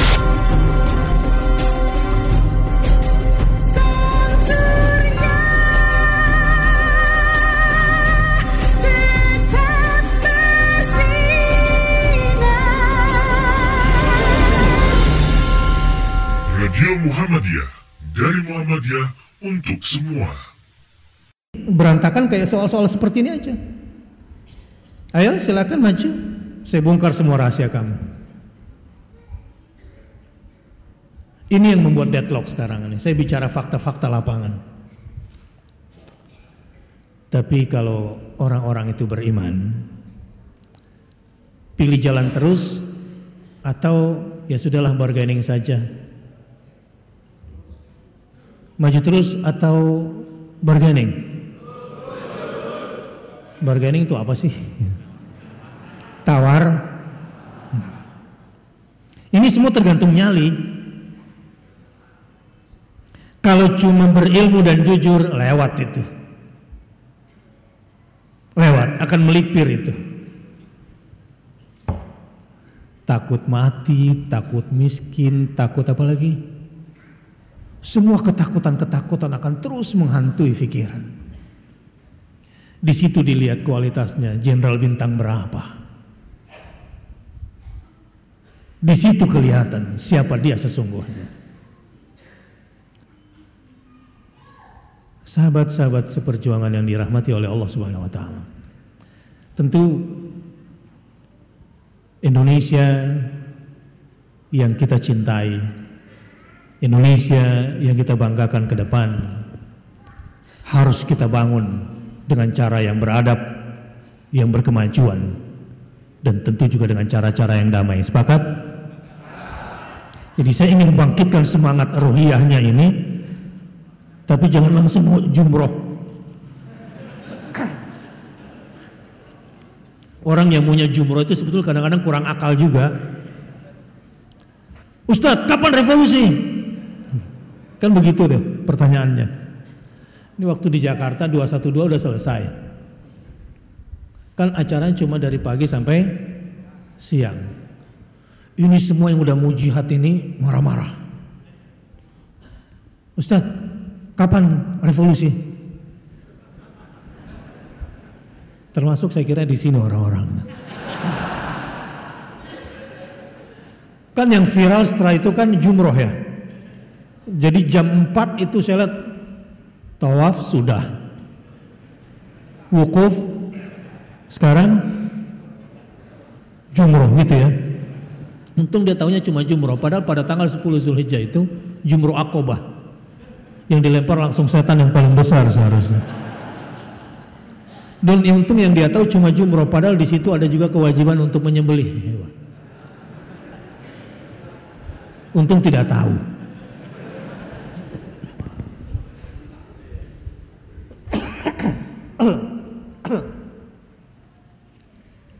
Sepakat. Harus revolusi. Revolusi akidah. Revolusi akhlak. Ini penting untuk saat ini. Dan itu hanya bisa terjadi jika keimanan kita secara akidah. La ilaha illallah wahdahu la syarikalah. Wahdahu la syarikalah. Wahdahu la syarikalah. Lahul mulk miliknya lah semua kekuasaan. Qulillahumma malikal mulk. Tidak ada sedikit pun di benak saya dan teman-teman untuk menggulingkan rezim ini. Walau akhirnya saya dituduh makar juga pada akhirnya. Udah udah, udah diinterogasi udah. Sudah disidik. Tidak ada sedikit Tidak ada di benak kami revolusi yang di dalam benak Anda kan umumnya revolusi itu bakar sana bakar sini gitu ya. Goyang-goyang pagar istana, ujung-ujungnya naik ke atas genteng gedung. Itu revolusi. Tidak. Bukan itu. Umat Islam punya prinsip dalam ingkarul munkar. Al-am al-amru bil ma'ruf bil ma'ruf wan nahyu 'anil munkar dengan tidak menimbulkan kemungkaran yang lebih besar. Sehingga dengan izin Allah Kapolri pun mengatakan pada acara 212 bahkan satu ranting pohon pun tidak ada yang patah. Kehendak siapa itu? Allah Subhanahu wa taala. Eh setelahnya ada 412. Bineka Tunggal Ika gitu ya. Oh itu tuh yang Bineka Tunggal Ika yang ada banci-bancinya gitu kan. Sementara umat Islam dianggap anti kebinekaan. Gak apa-apa Ustaz. Stigmatisasi ditujukan kepada kita dengan semua keburukan karena memang udah dari sononya seperti itu. Rasul juga dituduh orang gila begitu ya. Rasul juga dituduh sebagai tukang sihir karena isu yang paling menjatuhkan secara moral untuk seorang rasul itu yang bisa menjatuhkan dia habis karakternya itu kalau dituduh sebagai orang gila atau tukang sihir. Kalau sekarang kira-kira sebagai apa?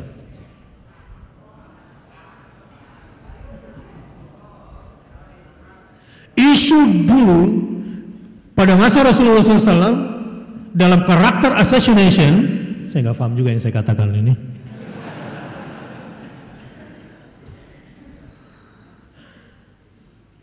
adalah tuduhan kepada sang pembawa moral, sang penjunjung ideologi kalau sudah dituduh tukang sihir atau orang gila. Itu biasanya hancur. Pertanyaan saya, apakah reputasi Rasul semakin hancur? Tidak. Kok bisa? Ini saya mau kasih ilmunya. Rasulullah SAW diutus menjadi Rasul ketika surah Al-Mudassir diturunkan dan Rasulullah SAW diangkat menjadi sang Nabi pembawa berita besar ketika surah Al-Alaq diturunkan.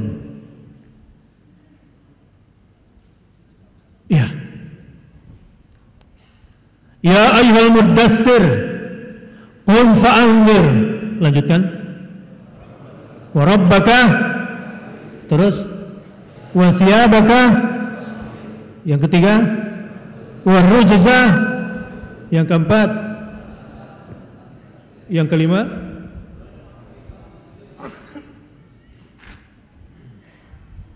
Saya kalau lelah begini retorikanya, jadi bukan batuk, ini retorika. Jadi jangan bilang Ustadz lagi flu gitu bukan, ini retorika.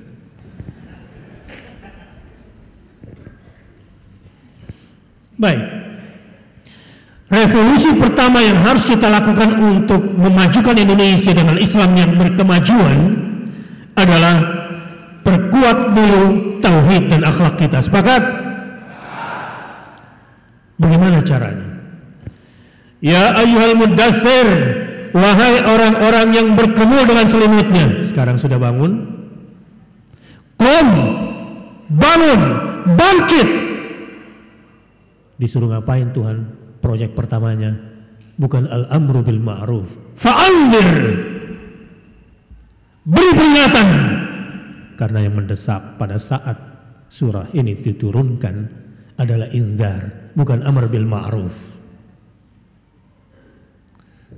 Memang kalau mau dakwah yang happy-happy saja, yang nggak pakai resiko gitu ya, ya amar ma'ruf aja lah gitu. Tapi jangan salahkan kalau ada yang ambil posisi ingkarul mungkar. Ini memang beresiko. Itu beresiko. Tetapi perintahnya saat itu adalah bukan amar bil ma'ruf tetapi fa'andir, beri peringatan. Kenapa? Secara konteks dakwah pada saat itu di awal-awal surah ini diturunkan pada awal-awal Fajrul Islam memang manusia pada saat itu sudah pada puncak kehilangan kesadaran kemanusiaannya dan manusia mendesak untuk ditutur, diturunkan kepada mereka saat itu di kitab sucinya untuk membimbing mereka dan didatangkan kepada mereka sang nabi atau sang rasul untuk membimbing mereka. Bagaimana syaratnya supaya kita sukses dalam indar? Yang pertama adalah warabbaka fakabbir. Kalau ingin sukses menjadi orang yang memberikan peringatan, syarat utama yang harus ada di dalam dirimu, di dalam diri kita semua, yang harus kita revolusi adalah warabbaka dan Tuhanmu agungkanlah. Saat ayat ini diturunkan belum belum turun perintah salat.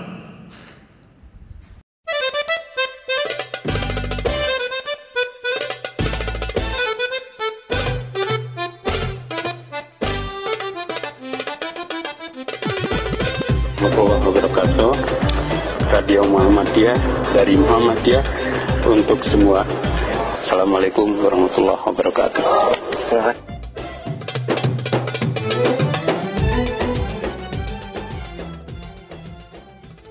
Jadi belum tahu yang disebut dengan mengagungkan Rabbnya itu apakah dengan Allahu Akbar atau tidak.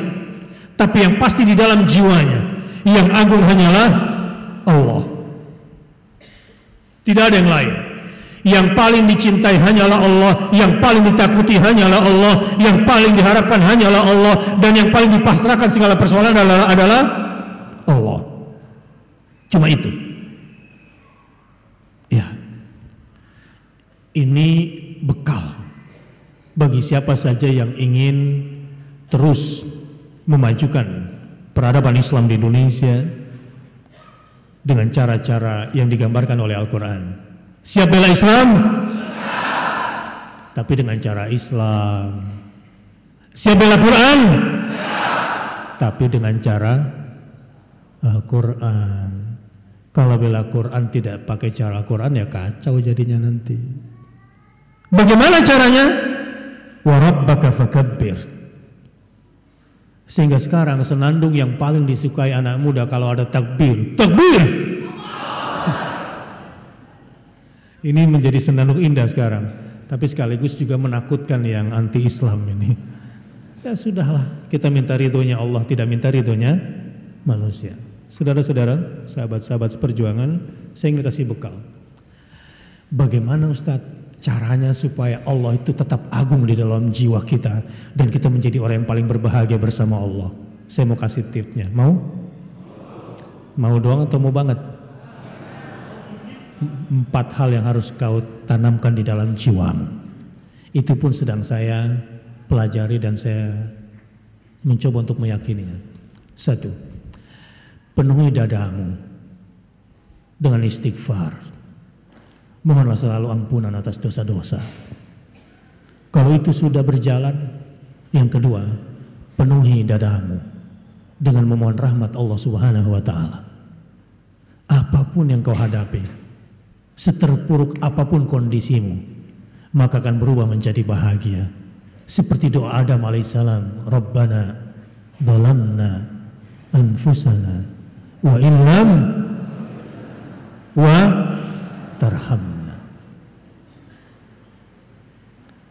lanakunanna minal khasirin. Tanpa maghfirah darimu ya Allah. Tanpa rahmat darimu ya Allah. Niscaya kami akan menjadi orang-orang yang merugi. Alhamdulillah turun rahmat Allah di luar. Maju ke depan. Semuanya coba yang sedang duduk maju sedikit selangkah. Semuanya. Selangkah saja sudah menguntungkan buat saudara-saudara kita yang di belakang. Semua maju jangan diam Ya, wah bagus sekali kalau sampai lima kali ngesot. Yang di belakang pasti akan mendapatkan banyak sekali ke lapangan. Nah ini sebelah kiri kanan masih kosong, ya dipenuhi. Ini juga di mihrab masih kosong. Acara sampai jam 9 Ya jam, jam 7 saya sarapan terserah anda mau ngapain di sini.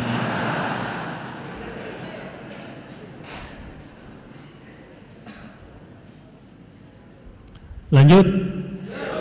Lanjut. Liman syaa minkum ayyataqaddam aw yata'akhkhar. Orang-orang yang sedang berjalan menuju Allah cuma dua jenis, imam mutaqaddim wa imam mutaakhir. Enggak ada yang waqif.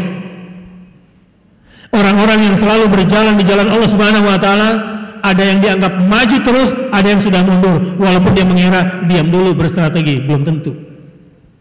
Anda tipe yang mana? Yang mutaqaddim atau mutaakhir? Maju atau mundur? Nah, sebelum majunya berantakan saya perlu kasih bekal dulu. Sebab memang kalau spiritualitas kita, iman kita, ruhiyah kita ini kurang kuat. Susah diajak berjuang. Penuhi dada kita dengan empat hal. Yang pertama apa tadi? Istighfar. Coba istighfar dulu semua. Anak saya pernah dulu waktu masih kecil istighfar nak. Istighfar, istighfar, istighfar, istighfar gitu. Orang-orang yang senantiasa beristighfar dan bertobat kepada Allah Subhanahu wa taala akan mendapatkan mataan hasanan ila ajalin musamma. Akan ada kenikmatan, ada kebahagiaan di dalam jiwa. Yang kedua, penuhi dada dengan apa? Memohon rahmat Allah Subhanahu. Tahukah Anda rahmat terbesar Allah? Ini hujan rahmat atau bukan? Sinar ultraviolet rahmat atau bukan? Oksigen rahmat atau bukan? Duit? Tapi penting mana duit sama hujan? Penting mana duit sama oksigen? Pertanyaan saya, Anda lebih syukur bersyukur yang mana biasanya sehari-hari? Ayo jujur. Sujud syukur kalau dapat hujan dana oksigen atau karena dapat apa biasanya? Jadi bohong semua nih bersyukurnya semua. Enggak apa-apa, ini lagi diisi. Tahukah Anda rahmat terbesar Allah? Tidak ada orang yang bisa menurunkan hujan. Dan beda kualitas air hujan dengan air dari tanah itu. Tidak ada yang bisa membuat oksigen dan itu semua rahmat Allah Subhanahu wa taala. Tetapi rahmat terbesarnya adalah Ar-Rahmanu 'allamal Qur'an.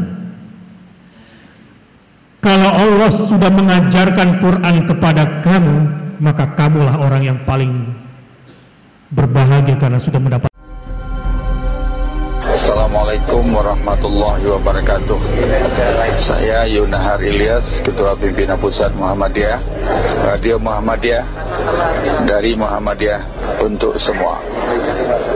Assalamualaikum warahmatullahi wabarakatuh.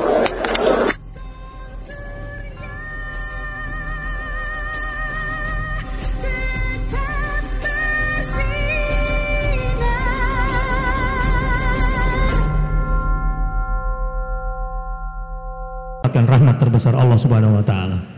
Saya mau nanya, siapa yang sejak Ramadan kemarin sampai sekarang sudah selesai khatamkan Quran? Angkat tangan. Nah, ini orang-orang yang dapat rahmat, sebagian besarnya belum. Bagaimana bisa diajak bela Quran kalau masih malas baca? Energinya apa? Jadi ini yang perlu direvolusi dulu. Siap khatam minimal sebulan sekali? Siap? Sholatnya siapa yang sholatnya masih di bawah 30 rakaat setiap hari? Bingung dia, sholat saya berapa rakaat tiap hari? Lawang sholatnya sendiri tidak tahu berapa rakaat tiap hari? Apalagi disuruh target Coba, sholat wajib berapa rakaat? 17 Sholat sunnah rawatib berapa? Ya Sunnah muakkadah aja dulu deh 12 12 tambah 17 29 Tahiyatul masjid berapa kali? Minimal eh, Gimana tahiyatul masjid datangnya pas komat? Orang kayak begini mau revolusi, revolusi apaan? Cuma marah-marah saja. Siap sudah berada di masjid sebelum azan? Berarti sudah sholat apa? Oke minimal berapa rakaat? Oke jadi berapa totalnya? 39 Oke sholat duha berapa? 4 Oke bolehlah Berapa sudah? 43 Ya. Oke. Uh, Witir minimal berapa?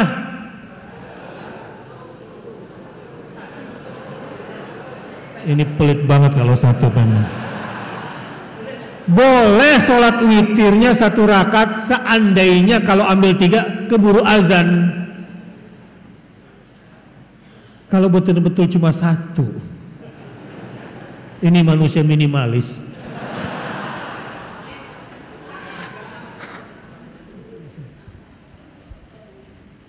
Para sahabat Nabi di antaranya Abdullah bin Jahash kalau tidak salah, saya pernah mendengar. Rukunya saja dari pertengahan malam sampai subuh, rukunya saja. Saking khusyuknya itu orang kalau sholat. Pernah sujud sepanjang 200 ayat. Hah? Waktu sholat gerhana berapa ayat biasanya? Berapa lama sujudnya?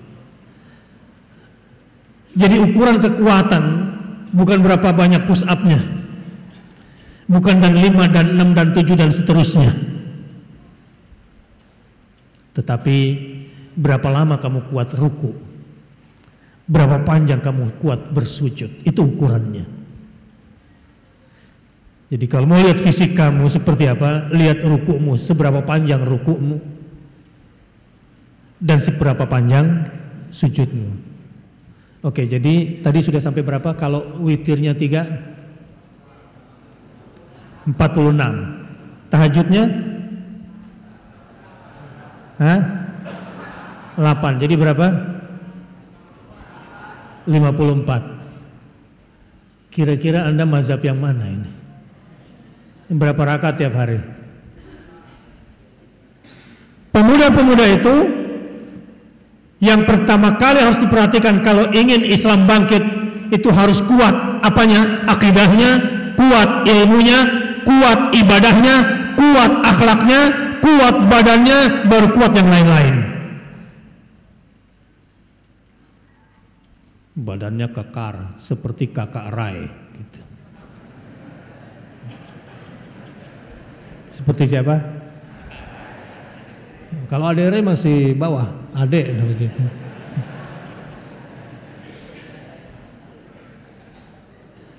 Tapi ketika berhadapan dengan ancaman-ancaman yang besar, ya biasanya mundur itu. Tapi tidak demikian dengan orang-orang yang setelah memperbanyak istighfar, memperbanyak memohon rahmat Allah Subhanahu wa taala, Allahumma arhamna, Allahumma arhamna bi rahmatika ya arhamar rahimin. Allahumma arhamna bil Quran, Allahumma arhamna bil Quran, Allahumma arhamna bil Quran. Hidupnya bersama Quran setiap hari. Saya malu dengan seorang teman. Ustaz, ini kita kerjakan jihad atau bukan? Karena berjalan bersama saya cukup sibuk hari ini. Memangnya kenapa?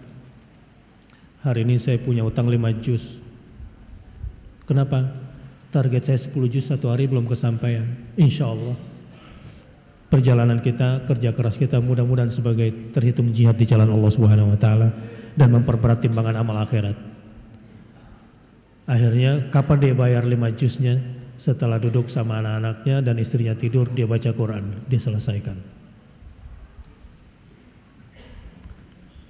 Begitu cara hidupnya. Dan orang-orang seperti itu yang kuat berjuang biasanya. Ini revolusi yang paling penting untuk kita mulai. Selebihnya Indonesia akan menjadi baldatun thayyibatun wa rabbun ghafur. Allah turunkan malaikat-malaikatnya yang akan bangkitkan peradaban Indonesia dengan penuh kedamaian. Siap revolusi akhlak? Mulai dari ibadahnya dulu. Tapi saya mau kasih lagi yang ketiga dan yang keempat. Kalau yang ketiga dan keempat itu juga memenuhi dadamu, insya Allah kemenangan di depan mata. Apa itu? Penuhi di dalam hatimu rasa cinta kepada Allah Azza wa Jal. Allahumma inni as'aluka hubbaka wa hubba man yuhibbuka wa hubba kulli amalin yuqarribuni ila hubbika. Ya Allah, hujamkan di dalam hatiku rasa cinta kepadamu. Hujamkan pula di dalam hatiku untuk mencintai orang-orang yang mencintaimu dan jadikanlah aku bersama mereka. Cintakan kepada kau, kepada aku, perbuatan-perbuatan yang bisa mendatangkan cintamu pada aku. Kalau sudah pada level ini seorang hamba, dia akan berikan segalanya untuk agama Allah Subhanahu wa taala. Kalau ada perintah wajahidu bi amwalikum wa anfusikum, berjihadlah dengan harta dan nyawamu. Yang pertama kali tunjuk tangan adalah orang-orang yang sudah merasakan nikmatnya cinta cinta kepada Allah Subhanahu wa taala. Tapi kalau masih cinta dunia susah. Susah. Dunia terus yang menjadi impiannya. Allah apa orang-orang yang saleh yang mencintai Allah itu doanya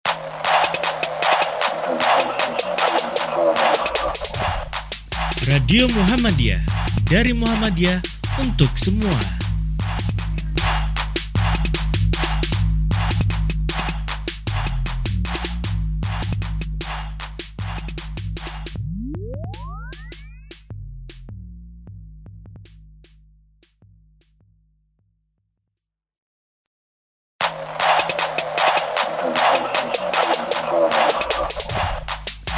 Radio Muhammadiyah dari Muhammadiyah untuk semua.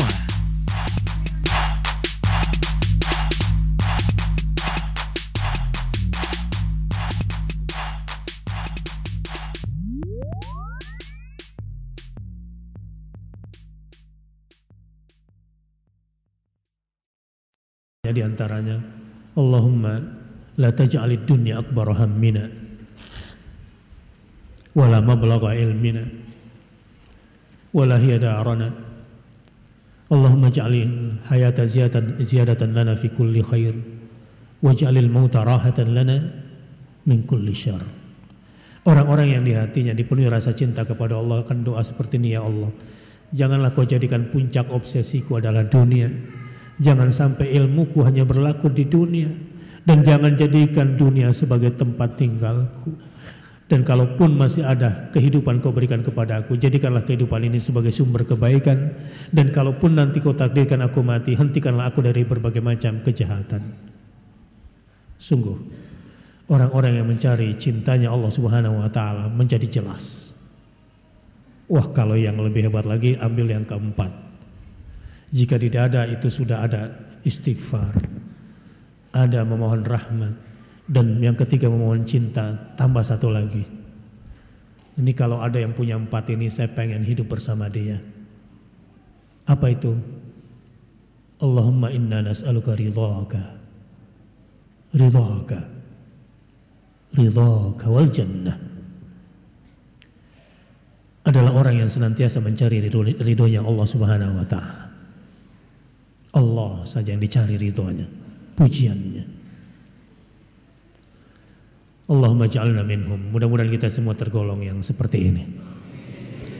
Sebutkan empat hal yang harus kita penuhi di dada kita. Satu, dua, memohon rahmat. Tiga, cinta kepada Allah dan yang keempat, ridha. Penuhi dulu. Ini sisi dalam. Ini cara menjadi orang benar yang wa salihat yang mengerjakan yang benar. Siap jadi orang benar? Udah tahu? Ya dengan beriman.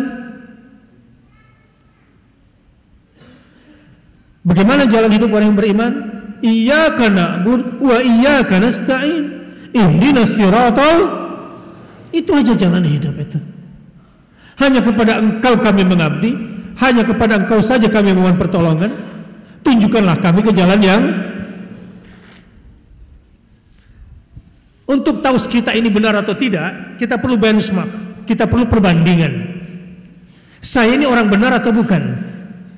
Jangan hanya menurut persepsi saya. Alladzina an'ama Allah 'alaihim minan nabiyyina wasiddiqina wasyuhada wassalihin wa hasuna ulaika rafiqa.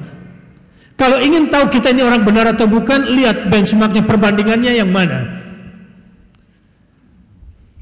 Siapakah orang-orang yang sudah beruntung dan mendapatkan nikmat Allah berada di atas siratal mustaqim itu? Para nabi, dan nabiyyin. Yang kedua, siddiqin, orang-orang yang senantiasa membenarkan Allah. Yang ketiga, syuhada. Orang-orang yang mati di jalan Allah. Dan yang keempat, as-salihin. Jadi orang-orang saleh. Itu aja perbandingannya. Jika ini sudah menjadi pegangan dalam hidup, maka insya Allah semua akan baik-baik saja. Apa pun yang kita hadapi. Dan saat ini tidak bisa tidak. Kelihatannya kebangkitan Islam dunia mulainya dari Indonesia. Ini bukan maunya kita. Ini bukan maunya kita. Demi Allah, saya ini kalau boleh mundur, pengen mundur aja lah. Tapi udah gak bisa lagi. Ke mana-mana kalau ketemu umat Islam, ngelihat muka gue ini muka takbir gitu. Ustad, saya berada di belakang Ustad, belakang mulu. Kita lagi perih-perih di depan. Ustad maju terus. Ya iya gue terus yang maju, lu kapan gitu.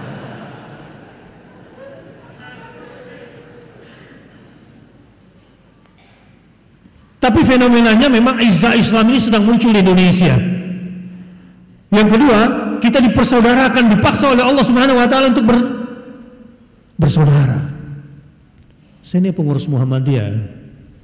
Belakangan sering diundang Maulid dan Ustadz Fatur Rahman. Kira-kira melanggar kode etik gak ya? Sehingga saya hafal banyak salawat. Dan saya pikir itu juga bukan hal bid'ah. Rahatil Atyaru tashdu fi layalil maulidi gitu-gitu.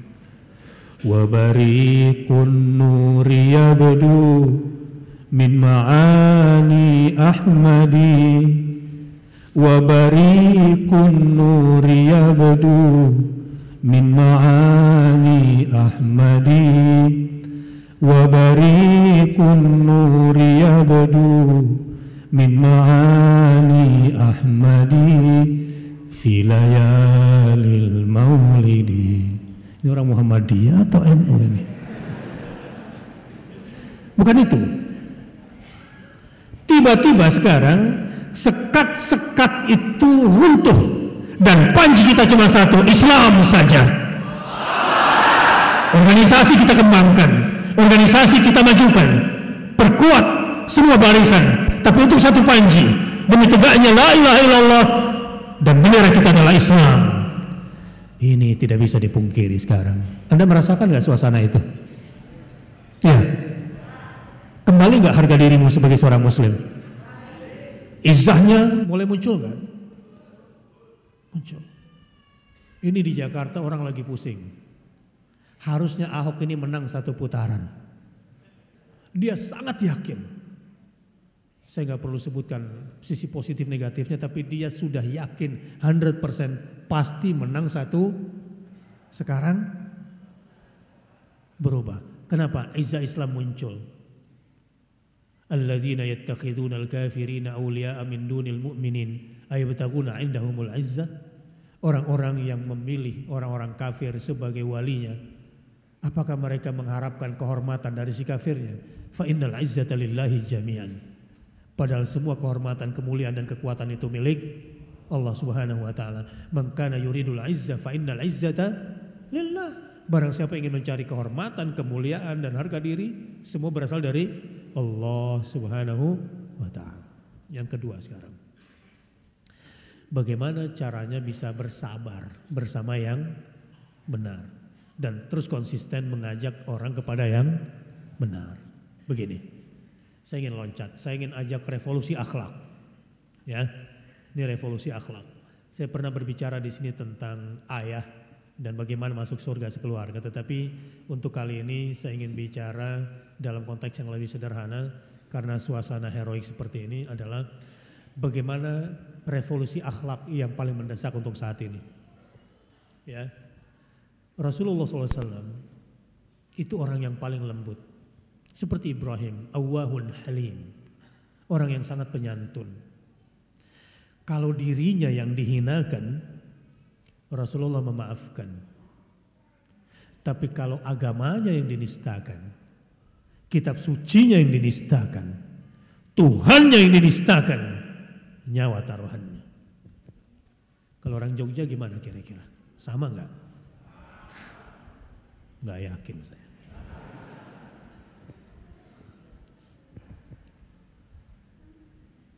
Lihat. Uh, ini semua juga untuk menepis uh, selera orang-orang liberal yang agak kacau. Orang-orang liberal itu kalau harga dirinya yang disinggung, organisasi dan kelompok yang disinggung, marahnya setengah mati. Tapi kalau Islamnya yang diinjak-injak, biasa saja. Begitu kan? Anda yang mana nih kira-kira? Hampir sama sebetulnya diam-diam itu. Begini. Satu, ma satu malam Rasulullah bermimpi didatangi oleh Jibril. Dalam mimpinya Rasul diinformasikan bahwa ada orang saleh, abdun saleh, namanya Fairuz Ad-Dailami, orang Persia yang tinggal di Yaman.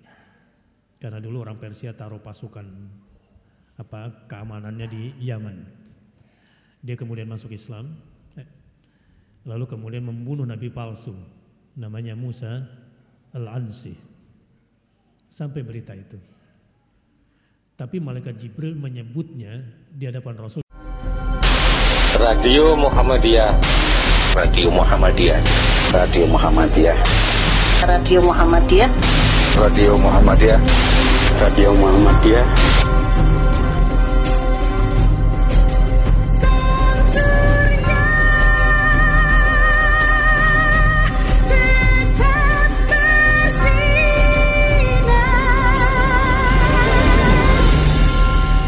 Radio Muhammadiyah dari Muhammadiyah untuk semua. Sebagai Abdul Saleh. Zaman sekarang ada orang ngaku nabi palsu, dibunuh. Kira-kira pembunuhnya disebut apa?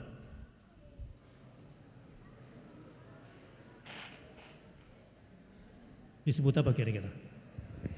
Tapi oleh Jibril disebut apa? Abdun Saleh. Ini soal persepsi. Ya. Soal persepsi. Sampai satu hari ada antrian di masa Khalifah Umar bin Khattab. Ini giliran antriannya si Fairuz Ad-Dailami untuk menghadap Amirul Mukminin, tapi ada orang Quraisy nyalip. Apa? Ya mendahului antrian. Fairuz bilang, "Bro, mundur, Bro." Antri. Ini Quraisy ini sombong karena dia ngerasa sebagai orang Arab. Kamu orang Persia. Apa sih? Saya ini orang Arab gitu kira-kira gitu. Tarik lagi, bro, antri bro. Gitu. Masih ngelawan juga, langsung pok, patahlah hidungnya, berdarah lah. Lalu menghadap Umar bin Khattab ditanya, kenapa hidung kamu berdarah? Ditampol tadi. Pukul siapa? Itu si Faurus Ad-Dalaimi. Panggil dia ke sini. Panggil lah, suruh dia berlutut. Kenapa kamu pukul dia? Dia nggak antri, Udah kamu nasihatin? Sudah. Singkat cerita Umar bilang kepada si Quraisy, "Ya Quraisy, amma ana atanazal min haqqi ka Amir al-Mu'minin." Aku sebagai Amirul Mukminin aku sudah maafkan dia. Aku enggak ingin mengambil hak untuk menghukum dia. Alasannya apa? Ala tasma kalam Rasulullah. Kamu tidak dengar Rasul pernah berkata kepada dia bahwa dia adalah abdun salih. Abdun salih orang saleh di hadapan Rasulullah Shallallahu Alaihi Wasallam. Akhirnya si Quraisy ini pun ikut memaafkan, maka oleh si Fairuz Ad-Dailami dikasih pedangnya, dikasih bagelahnya, dan dikasih 10, 30 ribu dinar sebagai kisosnya. Dan memang dia orang kaya. Apa yang ingin saya katakan dari cerita tadi? Bunuh Nabi palsu? Bukan. Persepsi. Persepsi. Rasulullah SAW itu kalau hak dirinya yang dihinakan nggak apa-apa. Idfa billati hiya ahsan. Balaslah kejahatan orang lain dengan yang paling baik, bukan dengan yang baik. Fa idzal ladzi bainaka wa bainahu adawatun ka'annahu waliyyun hamim. Balaslah kejahatan orang dengan kebaikan yang terbaik, maka tiba-tiba kamu akan bersaudara dengan dia. Ini prinsip yang harus kita pegang. Jadi kalau diri kita yang memang hina dibuat dari yang hina lalu dihinakan ya sudahlah. Balas dengan kebaikan yang terbaik. Siap? Berani memaafkan? Tidak dendam? Begitu Rasulullah SAW. Hampir setiap hari dilempari kotoran, dilempari bernajis setiap kan ke masjid. Sampai satu hari enggak dilemparin. Ada yang aneh nih. Balik lagi, gitu ya. Enggak ada juga yang lemparin. Ada orang buta yang setiap hari mendampar Rasulullah SAW. Dia seorang pengemis. Muhammad itu manusia paling buruk yang saya tahu. Tapi setiap pagi Rasulullah SAW memberi makan dia, menyuapinya dengan lembut tanpa suara. Jika kurma itu keras, dia kunyahnya sedikit. Untuk kemudian supaya mudah dikunyah oleh sang kakek yang mendamprat dirinya. Begitu Rasulullah SAW. Jika terkait dengan dirinya. Ini saya kira revolusi akhlak yang perlu kita perbaiki. Akhlak seorang suami terhadap istrinya yang penuh dengan kelembutan Akhlak seorang ayah terhadap anak-anaknya yang penuh penyayang. Akhlak seorang kakak terhadap adik yang selalu menyayangi dan akhlak adik kepada kakak yang selalu menghormatinya. Akhlak di jalan, akhlak terhadap lingkungan, akhlak di rumah ibadah, akhlak dalam berbangsa, akhlak dalam bernegara. Ini yang perlu direvolusi saya kira. 411 dan 212 dengan damai, dengan adab, Ini yang harus kita pelihara. Dan jangan terprovokasi. Seperti yang Ustaz Fatur Rahman katakan tadi. Kita sedang dijebak untuk melakukan anarkis. Tindakan-tindakan anarkis dengan semua stigma. Tidak usah terpancing. Semakin kita bersabar. Semakin kita berdamai. Karenanya Allah itu dikatakan halim. Ghafurun halim. Kana ghafuran halima. Haliman ghafura. Karena Allah subhanahu wa ta'ala tidak langsung mengazab hambanya. Sungguh revolusi terbesar yang harus kita lakukan secara akhlak untuk saat ini adalah andai saat ini kita bisa marah, tapi memilih untuk tidak marah, itu hebat sekali. Andai sekarang kita bisa membalas, tapi kita memilih untuk tidak membalas dendam, maka itulah orang-orang yang halim. Dan akhlak seperti itu yang akan membuat Islam semakin jaya dan membuat orang-orang kafir, orang-orang munafik kehilangan arah untuk menjungkir balikan Islam. Siap menjadi agen kebangkitan Islam dengan damai? Siap revolusi akhlak? Ikuti saya. Saya berjanji untuk menjadi orang benar dengan mengerjakan yang benar. Lalu mengajak kepada yang benar dan bersabar bersama yang benar. Ya Allah, berikanlah kepadaku kekuatan untuk senantiasa beristighfar kepadamu, memohon rahmatmu, memohon cintamu, dan memohon ridhamu. Ya Allah, mampukanlah aku untuk kuat akidah, kuat ilmu, kuat ibadah, kuat akhlak, kuat jasad, kuat ekonomi, dan kuat dalam berbangsa dan bernegara. Ya Allah, mampukan aku untuk revolusi akhlakku, menjadi orang yang penyantun, memilih tidak marah pada saat bisa marah, dan memilih untuk memaafkan pada saat mampu membalas.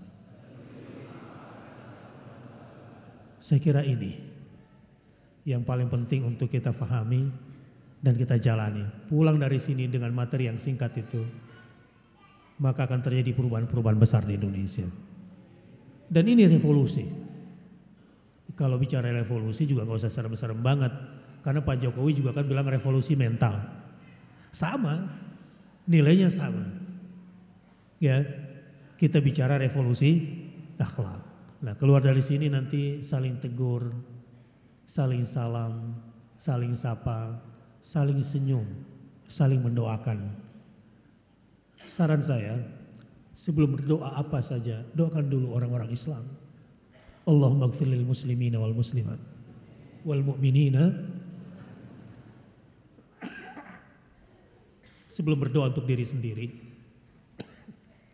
mohon ampun atas dosa-dosa muslimin dan muslimat baik yang masih hidup maupun sudah tiada. Sebelum memohon untuk kepentingan diri sendiri, mohon kepada Allah agar dimuliakan Islam dan umat Islam, khususnya di Indonesia dan setelah itu di seluruh dunia.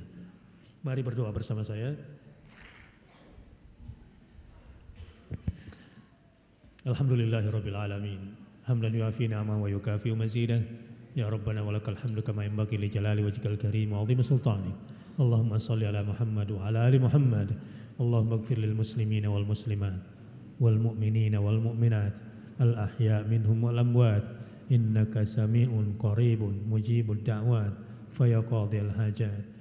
اللهم أعز الإسلام والمسلمين. اللهم أعز الإسلام والمسلمين. اللهم أعز الإسلام والمسلمين. وأصلح ولاة المسلمين. وأصلح ذات بينهم وانصرهم على عدوك وعدوهم. اللهم ربنا لا تسلط علينا بذنوبنا من لا يخافك فينا ولا يرحمنا. اللهم لا تسلط علينا بذنوبنا من لا يخافك فينا ولا يرحمنا. اللهم ربنا لا تسلط علينا بذنوبنا من لا يخافك فينا ولا يرحمنا. اللهم أحسن عاقبتنا في الأمور كلها وأجرنا من خزي الدنيا وعذاب الآخرة. ربنا اغفر لنا ذنوبنا وإسرافنا في أمرنا وثبت أقدامنا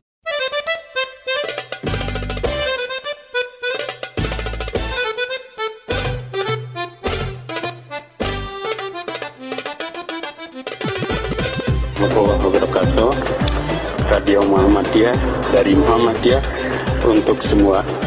Assalamualaikum warahmatullahi wabarakatuh.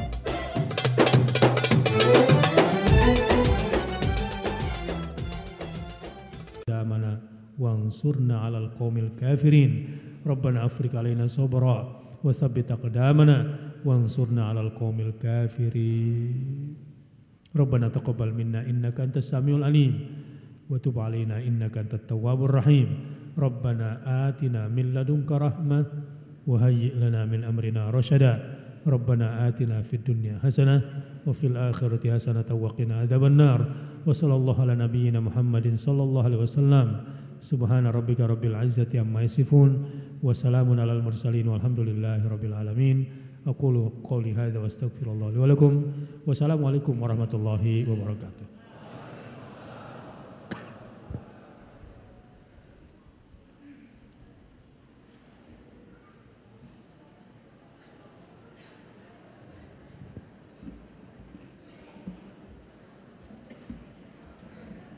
Jazakallah Ustaz. Haji Batiar Nasir LCLM yang pada kesempatan pagi hari ini sudah banyak memberikan pesan buat kita semuanya yang insya Allah kita akan amalkan apa yang menjadi pesan beliau empat hal tadi. Ya dan mudah-mudahan eh, ini menjadi semangat kita dan menjaga ruh kita izah kita dan insya Allah ini dengan kegiatan seperti ini nanti bisa eh, menular ke daerahnya masing-masing sebelum saya akhiri eh, kegiatan pada pagi hari ini yaitu gerakan suku berjamaah Spirit 212 ini diselenggarakan oleh pimpinan wilayah pemuda Muhammadiyah DIY dan juga Kokam wilayah daerah istimewa Jakarta dan didukung oleh Laskar Fadlul Khairat Universitas Ahmad Dahlan Takmir Islamic Center Universitas Ahmad Dahlan. Dan juga segenap pihak semua pihak yang membantu terselenggaranya acara ini dan mudah-mudahan uh, menjadikan amal soleh bagi kita semuanya. Dan kami ucapkan terima kasih kepada uh, jamaah yang telah menghadiri pada kesempatan kali ini. Sebelum saya akhiri ada pengumuman bahwasanya untuk infak pada kesempatan hari ini terkumpul 22 juta 110 ribu 300 rupiah. Alhamdulillahirobbilalamin dan mudah-mudahan menjadi uh, amal soleh kita semuanya. Uh, sebelum saya akhiri, ini ada persembahan lagu dari bapak kita, Bapak Ahmad Saifuddin Amin. Uh, mungkin bisa menjadi penyemangat kita dan insya Allah ini bisa menjadi uh, lagu apa penyemangat. Mungkin dari saya cukup sekian dulu, Ustaz, uh, saya akhiri. Assalamualaikum warahmatullahi wabarakatuh. Assalamualaikum warahmatullahi wabarakatuh. Untuk memberi semangat perjuangan kita, akan saya lantunkan sebuah syair Mars Kebangkitan Islam Indonesia. Syairnya cuma pendek. Hei angkatan muda muslim Indonesia Bangkit demi kejayaan Islam Giatkan dakwah amar ma'ruf nahi mungkar. Indonesia adil sejahtera. Teguhkan iman, takwa dan akhlak mulia. Buang sifat malas dan putus asa. Bina persatuan dan kebersamaan. Iman tauhid menjadi landasan Demi tegaknya Islam ciptakan pejuang beriman Perangi kemungkaran dan kebatilan.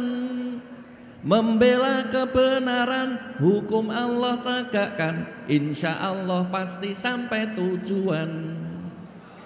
Badatun toyibatun warobun ghafur Itulah cita kita yang luhur. Berjuanglah dengan penuh keikhlasan Demi NKRI kita tercinta. Saya ulangi Hei angkatan muda muslim Indonesia Bangkit demi kejayaan Islam. Giatkan dakwah amar ma'ruf nahi mungkar Indonesia adil sejahtera. Teguhkan iman, takwa dan akhlak mulia Buang sifat malas dan putus asa Bina persatuan dan kebersamaan. Iman tauhid menjadi landasan. Demi tegaknya Islam ciptakan pejuang beriman Perangi kemungkaran dan kebatilan. Membela kebenaran Hukum Allah tegakkan. Insya Allah pasti sampai tujuan Baldatun toyibatun warobun ghafur. Itulah cita kita yang luhur. Berjuanglah dengan penuh keikhlasan. Demi NKRI kita tercinta. Terima kasih atas perhatiannya Assalamualaikum warahmatullahi wabarakatuh